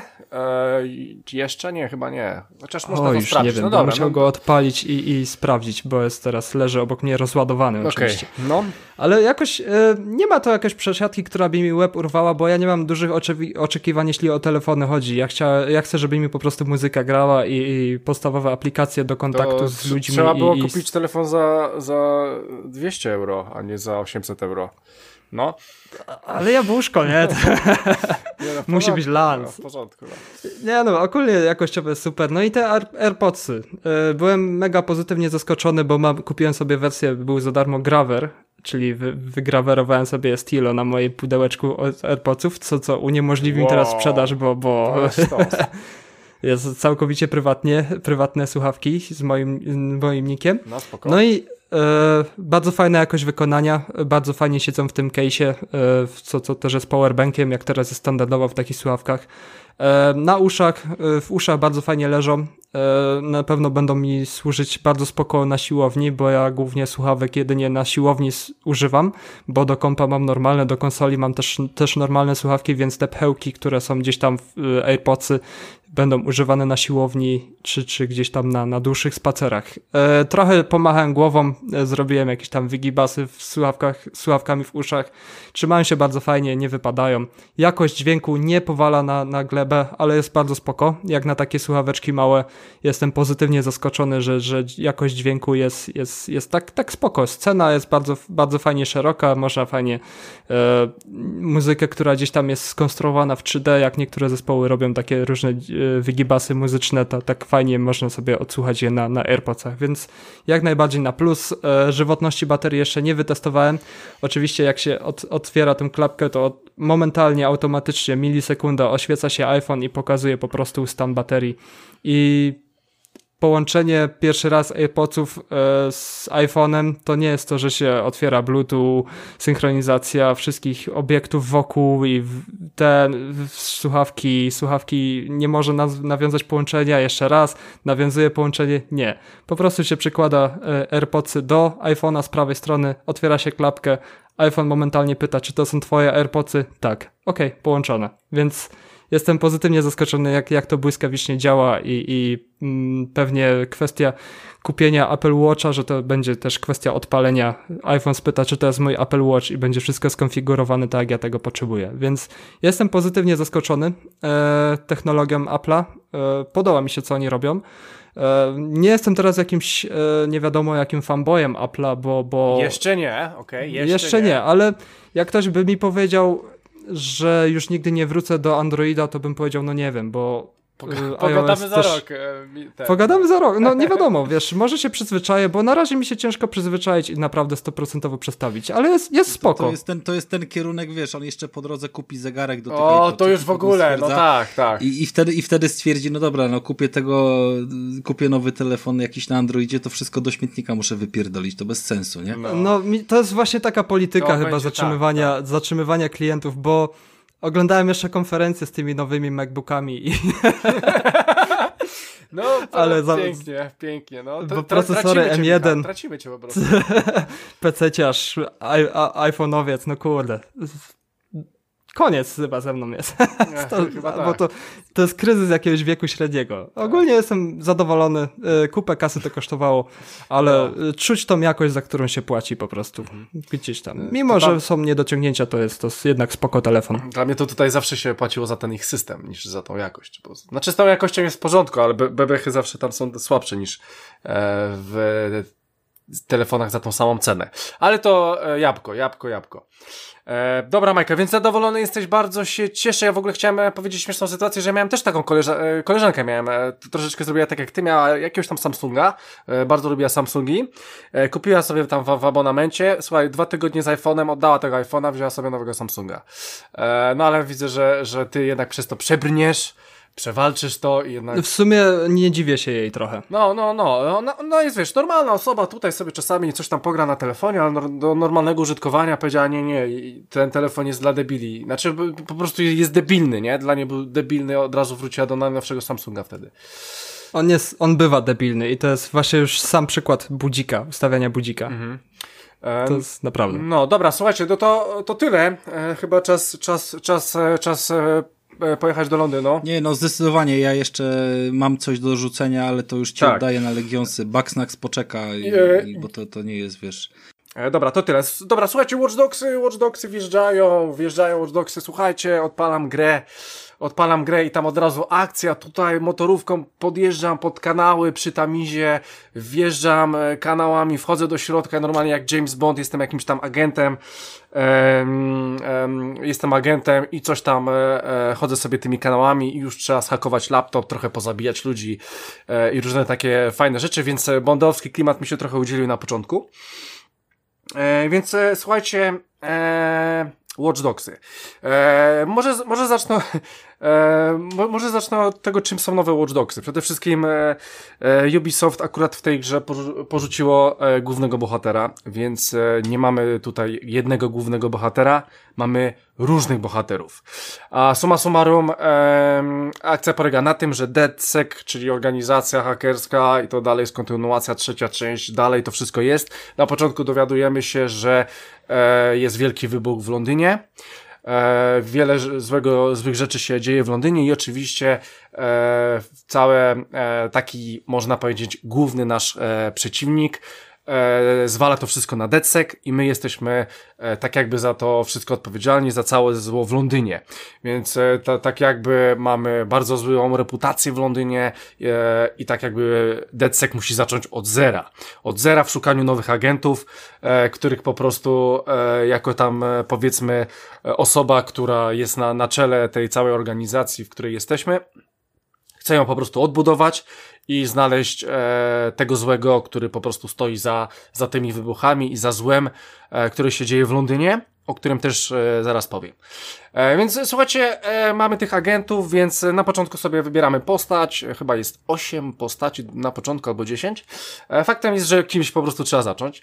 E, no i zaczynamy kimś i robimy sobie e, pomału misję, dowiadujemy się o co chodzi w tym Londynie, no i dochodzi nam opcja, że możemy sobie brać e, innych agentów, e, rekrutować inne osoby w grze. E, no i słuchajcie, jest to całkiem nieźle e, przemyślane, całkiem nawet fajnie przemyślane, bo wyobraźcie sobie, że E, mam na przykład teraz takie, takie trofeum robię, że muszę znaleźć w Londynie osobę, która jest game devem w grze i go wziąć, e, zarekrutować. I powiem wam, że skanuję tych ludzi jak pojebany. I powiem szczerze, że naprawdę zeskanowałem ich, nie wiem, 100, 200, 300. Już dowiedziałem się, co trzeba zrobić, żeby tą osobę ogarnąć. Ale powiem ci, że chyba tylko raz trafiła mi się ta sama osoba. E, powiem wam, że wszystkie osoby są praktycznie inne. Mają oczywiście, e, jak skanujecie, to e, macie na przykład, jakie mają profesje. I oczywiście te profesje się powtarzają, tak? Ale słuchajcie, profesje są kompletnie różniaste. No i co najciekawsze, każdą osobą możecie zrekrutować, więc możecie wziąć sobie na przykład, nie wiem, śmieciarza, który jest sobie na ziemi, który chce hajs, biedaka. Bo... Polaków w Anglii, bo to słyszałem, że jest popularny taki temat, który napierdala Słuchaj, no, no akurat nie zauważyłem, e, nie zauważyłem tego, ale, ale no, e, można sobie zrekrutować każdą osobę w Londynie, nawet osobę, która po prostu nie ma żadnej umiejętności, bo e, suma summarum chodzi o te umiejętności. Jedna osoba może nie mieć żadnej, e, jedna osoba może mieć full umiejętności, nawet gra troszeczkę e, wam pomaga i pokazuje wam na planszy co jakiś czas, e, pokazuje wam się, wam się na przykład na planszy dwie czy trzy osoby, które warto zrekrutować, bo mają fajne skille, bo mają fajne umiejętności. E, słuchajcie, no i, e, no i słuchajcie, naprawdę jest tego dużo. Ja już mam chyba ponad 20 zrekrutowanych osób, chyba około 25, żeby zrekrutować osobę, no to ona ma jakiś tam problem, słuchaj, bo tutaj, e, nie wiem, NHS oszukało moją, moją matkę i coś tam i potrzebuje operacji na już, więc twoim zadaniem jest wejście do szpitala i, i schakowanie w ten sposób, żeby po prostu wzięli ją na operację as soon as possible, jak najszybciej, więc, więc to robicie, później, o, dzięki, dzięki wielkie, dobra, jesteś zajebisty, E, słuchaj, szukamy takich ludzi jak ty do DCK-u, chcesz wjechać? Tak, tak, oczywiście, jesteście zajebiści, chcę. No i bierzecie nową osobę i praktycznie każdą osobę, którą chcecie zrekrutować, to robicie dla niej misję. Co ciekawe, gra jest naprawdę połącz... E, gra, gra ma bardzo dużo zależności w, wokół siebie, więc wyobraźcie sobie taką sytuację, że przez przypadek e, nie wiem, z, z, zabijacie jakąś osobę w grze i okazuje się, że jakiś przechodzień nie lubi tej osoby, i, I, jest taka informacja, że e, zabiłeś tą i tą, albo unicestwiłeś, albo, albo e, te, no, po prostu zrobiłeś krzywdę tej osobie i dzięki temu zrobiłeś tak jakby misję przez przypadek i od razu możesz zrekrutować tą osobę, bo ona jest z tego bardzo zadowolona, że ty to zrobiłeś i jest taka łapka w górę, bo, bo te postacie albo lubią decek, albo nie lubią. Akurat na ulicy trafiła mi się osoba, przez przypadek zrobiłem coś i ona od razu chce do mnie wejść, bo mi się to po prostu udało. E, słuchajcie, jeżeli chodzi o te postacie, to to, to jest e, w ogóle zajebista sprawa i na tym się skupię, bo gra ogólnie na tym polega. E, kolejną rzeczą, którą chcę powiedzieć o tych postaciach, to jest przede wszystkim to, że wybierając sobie jedną z tych 200, 300, 400 postaci, one mają swój głos. Każda ma swój głos, więc jeżeli ja sobie wy, wybiorę jakiegoś, e, nie wiem, po, powiedzmy, e, pierwszą lepszą osobą jest tam jakiś hitman, powiedzmy, czy jakiś szpieg. Wybieram go sobie e, i, i robię nim misję. On normalnie w każdej misji mówi. Więc ja nie wiem, ile oni tam głosów podłożyli, ale robiłem to wieloma postaciami i główną misję, tak samo jak poboczne misje, robię różnymi postaciami i wszystkie te postacie mówią swoim własnym głosem.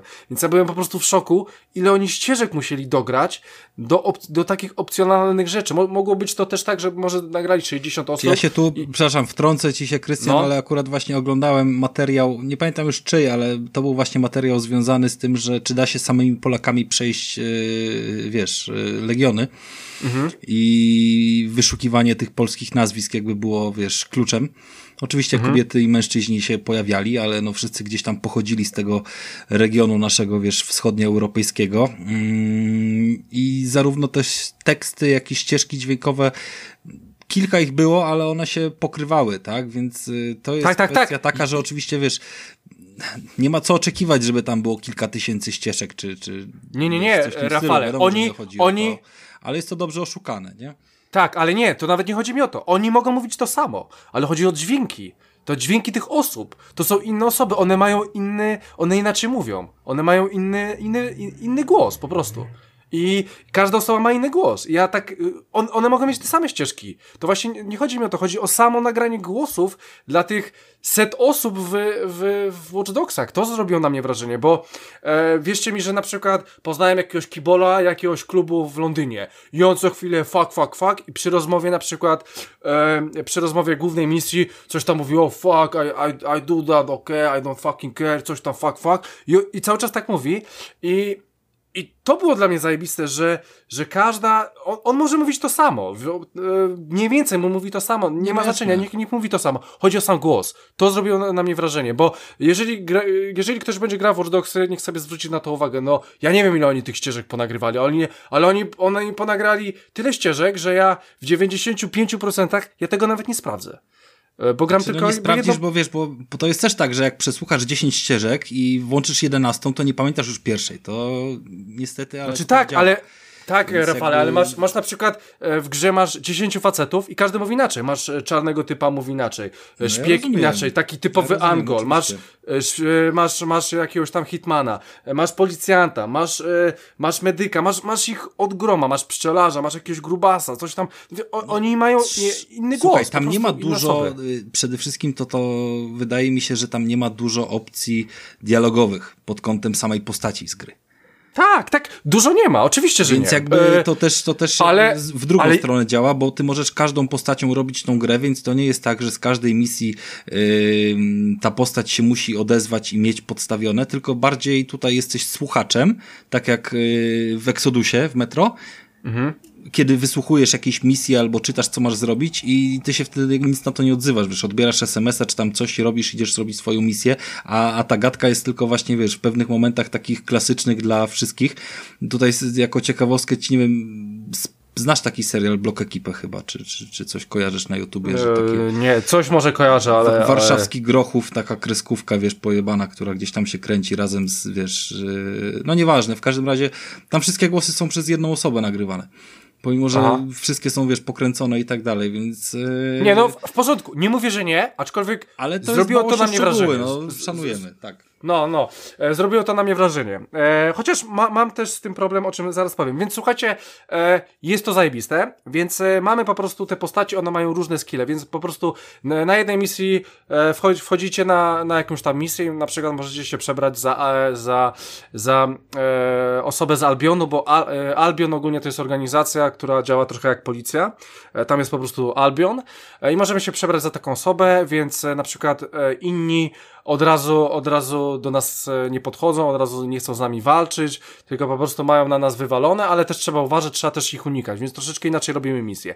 Mamy osobę, e, budowlańca, który ma e, drona, na którego możemy wejść i latać sobie nad budynkami, więc na, na przykład misję można zrobić inaczej, można na przykład przez górę wejść, E, i się tam dostać e, w, z góry.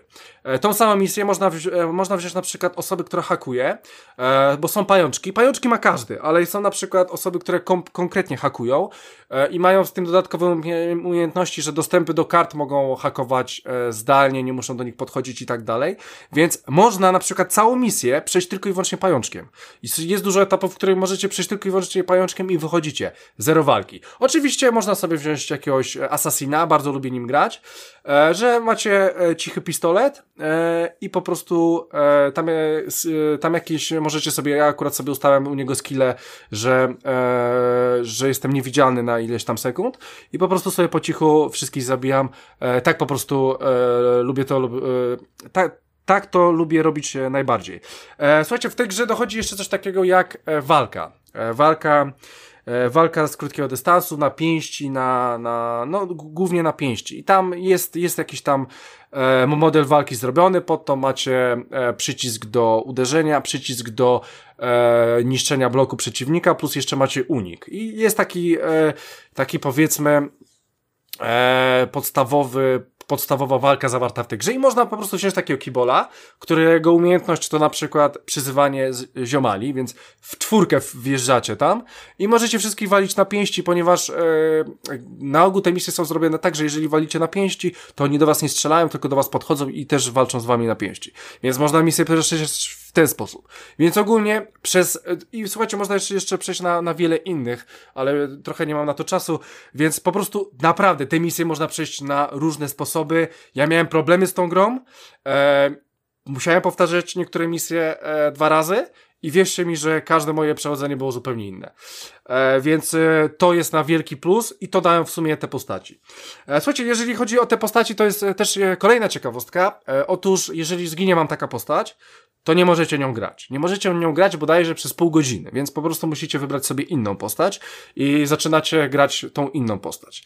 E, co ciekawe, świetna, świetna sprawa, jeżeli wybierzecie sobie jakąś postać, którą chcecie grać, to na przykład, e, oczywiście macie tam okienko, wybieracie, no nie wiem, e, tym razem chcę sobie zagrać, nie wiem, no niech będzie jakiś tam haker czy pszczelarz, wybieracie go sobie i na przykład widzicie, że on akurat jest na cmentarzu, daje, daje kwiatki, e, kwiatki na cmentarzu, patrzycie, że o, że w telefonie dostał informację o DCEK i się odzywa i pisze, tak, tak, dobra, e, już skończyłem w sumie, e, już, już idę, co mam zrobić. I jest to świetnie, świetnie pokazane, bo każda postać będzie robiła coś innego i dostaje w tym momencie informację z DCEK-u o przerywa akcję, którą robi i po prostu dobra, dobra, to co mam robić? Świetnie jest to pokazane i w każdej postaci jest zupełnie co innego. Jeden jest na cmentarzu, drugi coś tam gdzieś chodzi, trzeci, trzeci odbiera telefon i, i anuluje telefon i, i odbiera od was. Jest to fajnie pokazane. Zobaczcie sobie, jak będziecie zmieniać agentów. Bardzo mi się to spodobało. E, słuchajcie, poza tym, e, to jako ciekawostka możecie zrobić też, że jeżeli zginie wam postać, to zginie wam per, permanentnie, tak? E, można, można w ten sposób grać, tylko e, wydłuża wam się e, proces rekrutacji, ponieważ będziecie musieli re, rekrutować tych postaci. E, jeżeli jest opcja, że, za, że nie wiem, stracicie szpiega, czy stracicie jakąś tam ważną postać budowniczego, to i tak możecie go później znowu znaleźć na planszy, nie ma z tym problemu. Aczkolwiek, no, e, jest to fajna ciekawostka, że po prostu jak zginie, to zginie wam w grze. Co ciekawe, to, że na przykład zostaniecie, e, to, to na przykład, że, że zostaniecie złapani, czy e, wasze e, zdrowie dojdzie do zera, to nie znaczy, że od razu giniecie, bo możecie być aresztowani, e, możecie robić inne, że, e, inne rzeczy i na przykład przy niektórych, przy niektórych waszych skillach, na przykład wydaje wam się, że zginiecie, pół godziny musicie czekać, a tak na dobrą sprawę jesteście aresztowani. Jeżeli macie odblokowany pewien skill, e, u jakiegoś tam hakera, to on, to on może tak jakby, e, to, to nie macie, nie musicie czekać pół godziny, tylko na przykład jedną minutę albo dwie, ale to musicie mieć inną postać odblokowane, więc one po prostu w jakiś tam sposób się na siebie nakładają. E, dobra, to chciałem powiedzieć o postaciach, więc e, fajna sprawa z tym jest. E, powiem wam, że już mam około tych 25, jeszcze gry nie przeszedłem, e, dużo mi tam e, nie brakuje, ale już, już nie będę robił nikogo takiego, e, którego potrzebuję, bo po prostu wszystkich już mam. I mogę sobie te, te misje robić tak, jak lubię po prostu.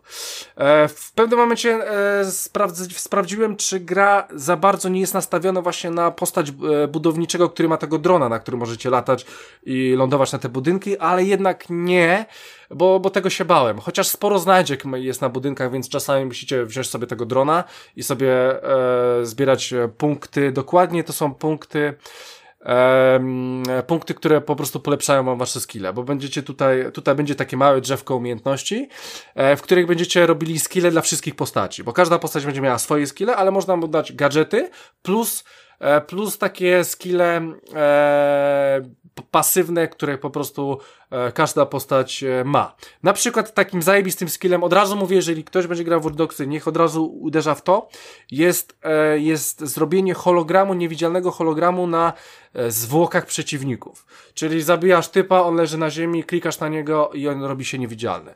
E, rewelacyjny skill i bardzo dobrze to pomaga w misjach skradankowych, że po prostu kogoś po cichu zabijasz i od razu, od razu walisz hologram.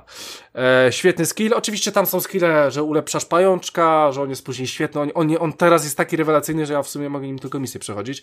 Poza tym możesz e, ulepszyć swoje bronie, bo tam są też bronie. Tylko, co ciekawe, w większości wasze bronie E, nie mają nie mają, e, to, to nie jest ostra amunicja, tylko jakaś tam elektryczna, czy tego typu rzeczy, no bo ogólnie DedSec jest organizacją taką dosyć przyjazną, hakerską, ale w miarę przyjazną i oni na ogół nie zabijają ludzi, aczkolwiek możecie grać jakimś tam hitmanem i zabijać kulką, kulkę w łeb, robicie co chcecie, ale, ale ogólnie organizacja jest w miarę, w, w miarę taka w porządku.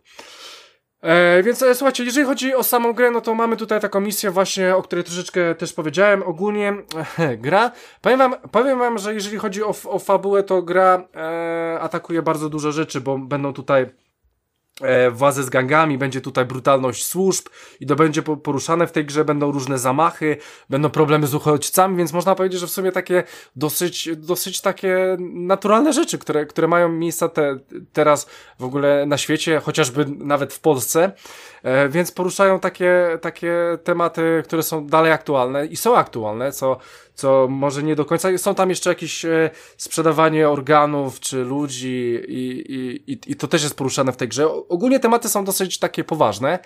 E, fa, e, fajnie jest to wszystko poruszone. E, słuchajcie, w, w grze mamy pięć frakcji. Trochę mi to przypomina jak GTA, stare GTA 2 na przykład, gdzie były trzy frakcje i tam trzeba było robić dla nich misji, misje. Tutaj akurat mamy pięć frakcji. E, no i, no i trzeba po prostu e, ich tak jakby wyeliminować, więc e, tutaj po prostu eliminujemy daną frakcję. No i później dochodzimy do, e, do powiedzmy jakiegoś tam głównego bossa, zobaczycie sobie w sumie w trakcie gry. Eee, słuchajcie, co jeszcze muszę powiedzieć o tej grze? Eee, oczywiście chodzimy po Londynie. Słuchajcie, Londyn jest przepiękny. Londyn naprawdę jest rewelacyjny. Ja jestem w Londynie parę razy w roku i powiem wam szczerze, że no kurwa, Londyn wygląda jak Londyn. I to tak, i to tak bym nawet powiedział, że w skali 1 do 1, może 1 nawet do 2. Eee, powiedzmy, że 1 do 2 eee, naprawdę wygląda świetnie. No, e, mamy, mamy London Eye, mamy Camden, mamy e, Piccadilly Circus, mamy po prostu wszystkie, mamy Big Beny, mamy, mamy, mamy po prostu to, co jest w Londynie w tych samych miejscach, co są w Londynie. Oczywiście tam, e, powiedzmy tam e, w takim trochę cyberpunkowym klimacie, gdzie, gdzie latają drony, e, gdzie po prostu e, samochody same jeżdżą, są au autonomiczne. E, no po prostu to jest, to jest tego typu klimat, ale jest po prostu przepiękny. W ogóle jak chcecie, możecie w grze e, przejechać London Eye'em, czyli tym ich wielkim młynem, który jest w, w Londynie. Nie musicie na niego wchodzić, możecie zrobić to w grze. w ogóle bardzo, bardzo świetna misja jest jest dronami. E, przy London Eye'u zrobiła na mnie ogromne wrażenie, więc e, o niej wspominam, że, że, że była bardzo fajna. E, słuchajcie, E, tak, to chciałem powiedzieć, więc e, ogólnie e, fajne jest to, że ja odpaliłem te Watch Dogsy na starym Xboxie, czyli powiedzmy 900p, nie wiem czy tam miałem Full HD, wydaje mi się, że miałem 900p, a później, później zacząłem grać to na swoim telewizorze e, i swojej konsoli, nowej konsoli. E, bo Watch Dogsy wyszły przed premierami konsol w ogóle. E, więc tak. I powiem wam szczerze, że Eee, że po prostu jest przepaść. Jeżeli tam Rafa może nie widział takiej wielkiej przepaści, albo widział po prostu sporą różnicę, tak, tak jeżeli chodzi o stare konsole, a, a tutaj nowe jest przepaść. Szczególnie, że mówię, ja miałem tylko, e, w grze są tylko 30 klatek, mamy ray tracing, mamy 4K.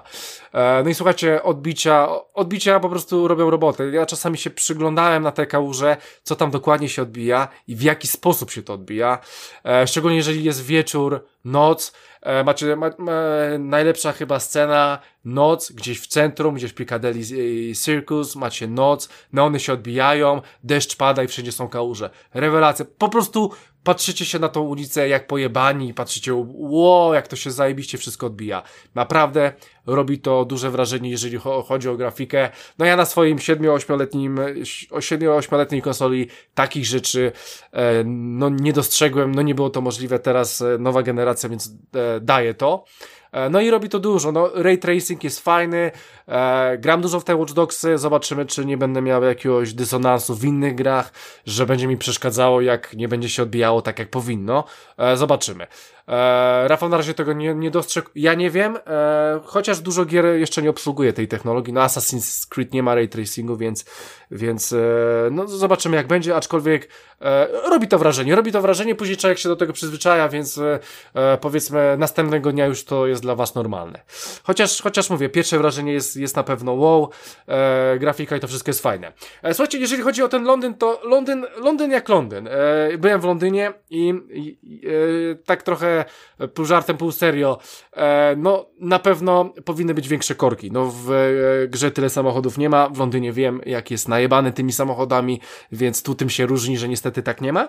Aczkolwiek zauważyłem, że na przykład wieczorami, w nocy szczególnie, więcej ludzi chodzi niż, e, niż normalnie, no ale jest to spowodowane, że, że pewnie tak samo ci ludzie chodzą. Co ciekawe, wyobraźcie sobie, że w grze każda z tych postaci, o których mówiłem wcześniej, ma swój rozkład jazdy. Możecie kliknąć na daną postać i wiecie, że na przykład ona pracuje od 6 do, od 8 do 16, później od 17 do 18 jest na siłowni, później od 19, od, od 19 do 20 jest gdzieś tam i tak dalej, i tak dalej. Więc każda postać ma swój rozkład dnia i one robią ten swój rozkład dnia, ponieważ jest to wam potrzebne czasami do misji. Jak chcecie zrekrutować osobę, e, która ma e, czerwoną strzałkę, więc trzeba coś dla niej ekstra zrobić, trzeba kogoś likwidować, pobić albo coś i ona mówi idźcie do tej i do tej osoby. No to wy do niej idziecie, ale ona jest w pracy, więc możecie sobie przyspieszyć czas, e, ale to tylko w, w tego typu rzeczach i po prostu już jesteście gotowi, czekacie na nią, ona wychodzi, bęk na twarz i, i jest ok. Więc, e, więc e, te postacie naprawdę mają, mają swój cykl dnia i nocy i robią po prostu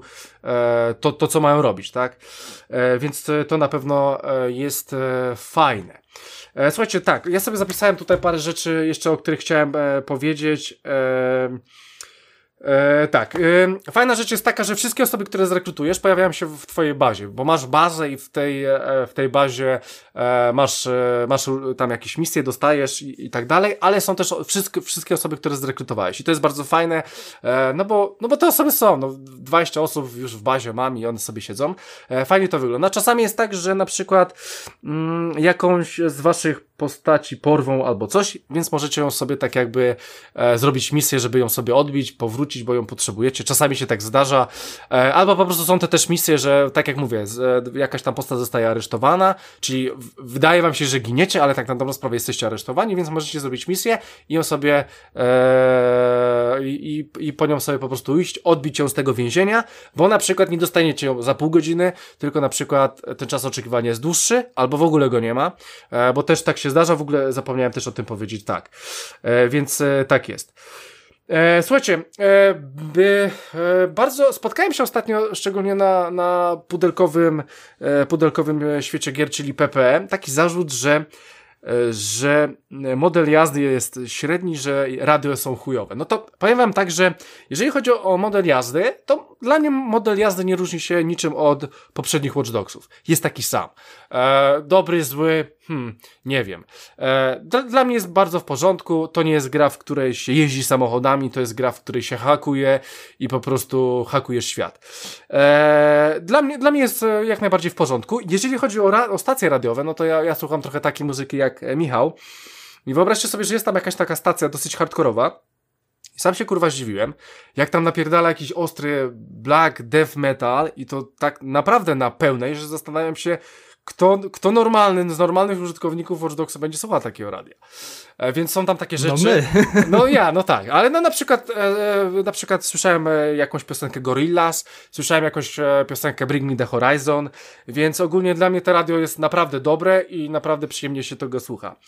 Ale w GTA też miałeś Liberty City, Hardcore i tak dalej, więc no tak, tak, tylko... chyba to jest fajny, fajny wachlarz Tak, zawsze. tak, tylko że zastanawiam się, czemu ktoś powiedział, że stacje radiowe są chujowe, jak dla mnie są zajebiste. Nie, nie wiem, nie słuchałem innych stacji radiowych, wiem, że jest jakiś e, gruby drum and bass czy coś, ale, ale to nie jest moja muzyka.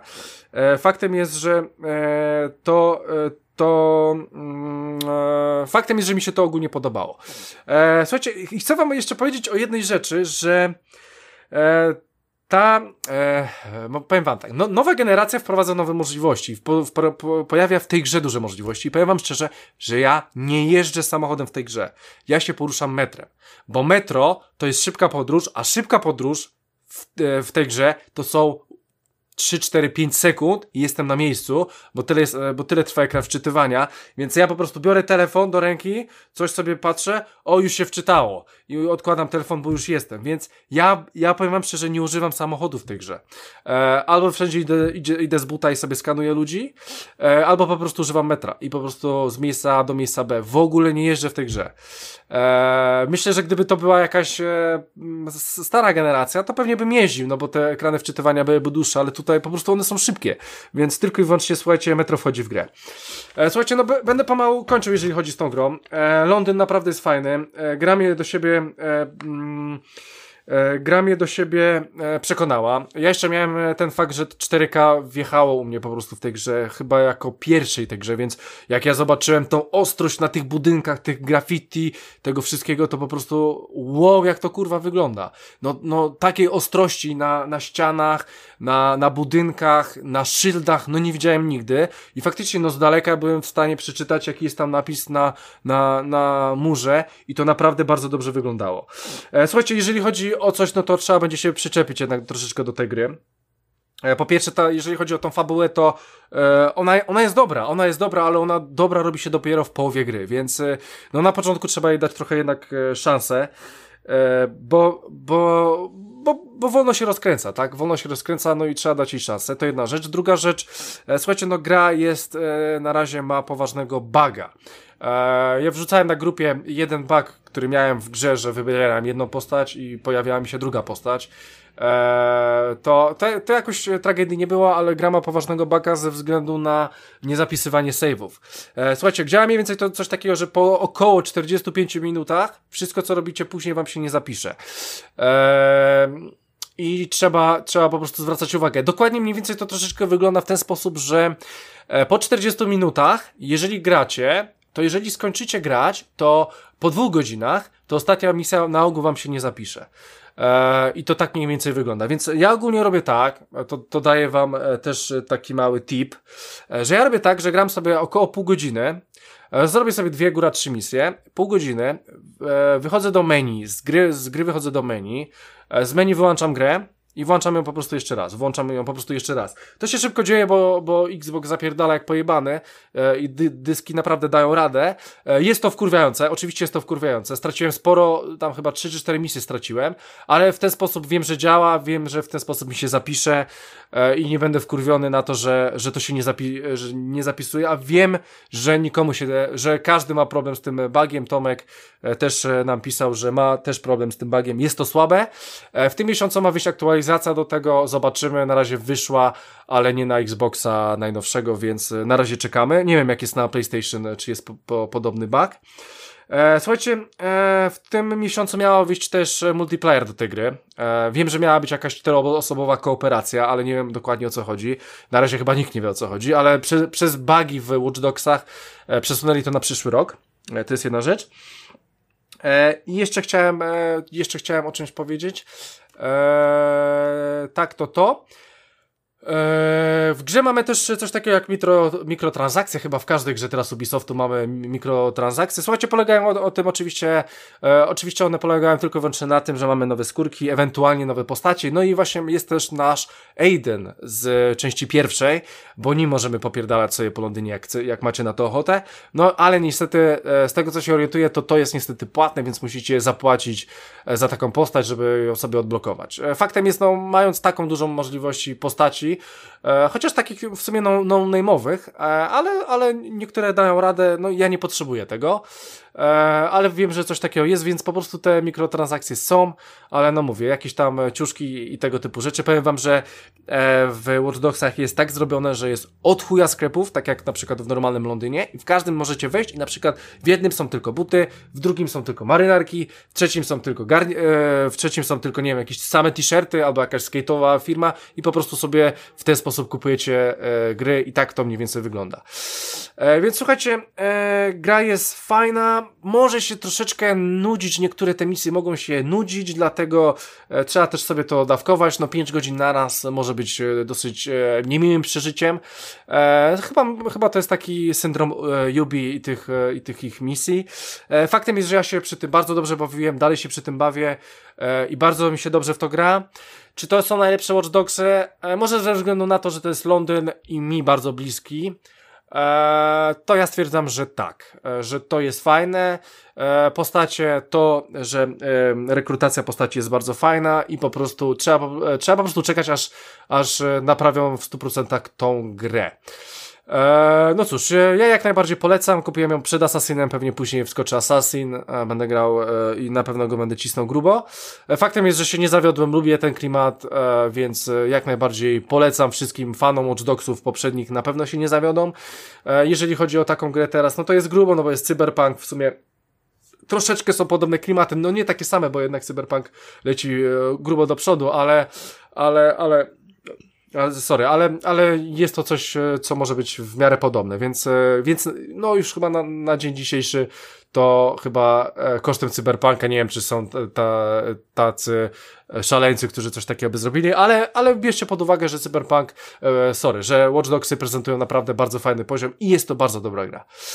Słuchajcie, to tyle jeśli chodzi o to.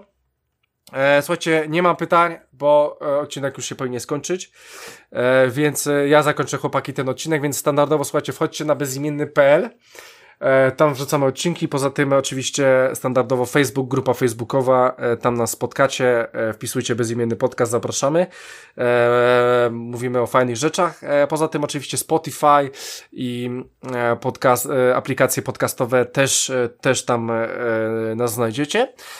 E, słuchajcie, e, coś jeszcze, aha, no i oczywiście YouTube dla leniwych, możecie sobie odpalić na YouTubie, jak nie chce wam się niczego ściągać, tam zawsze jesteśmy e, online. E, dobra, więc słuchajcie, 170 bodajże trzeci odcinek dobiega końca, więc e, słuchajcie, moim gościem e, w dzisiejszym odcinku był Rafał Radomyski. Dziękuję wszystkim, pozdrawiam. E, słuchajcie, był z nami Michał Stiller.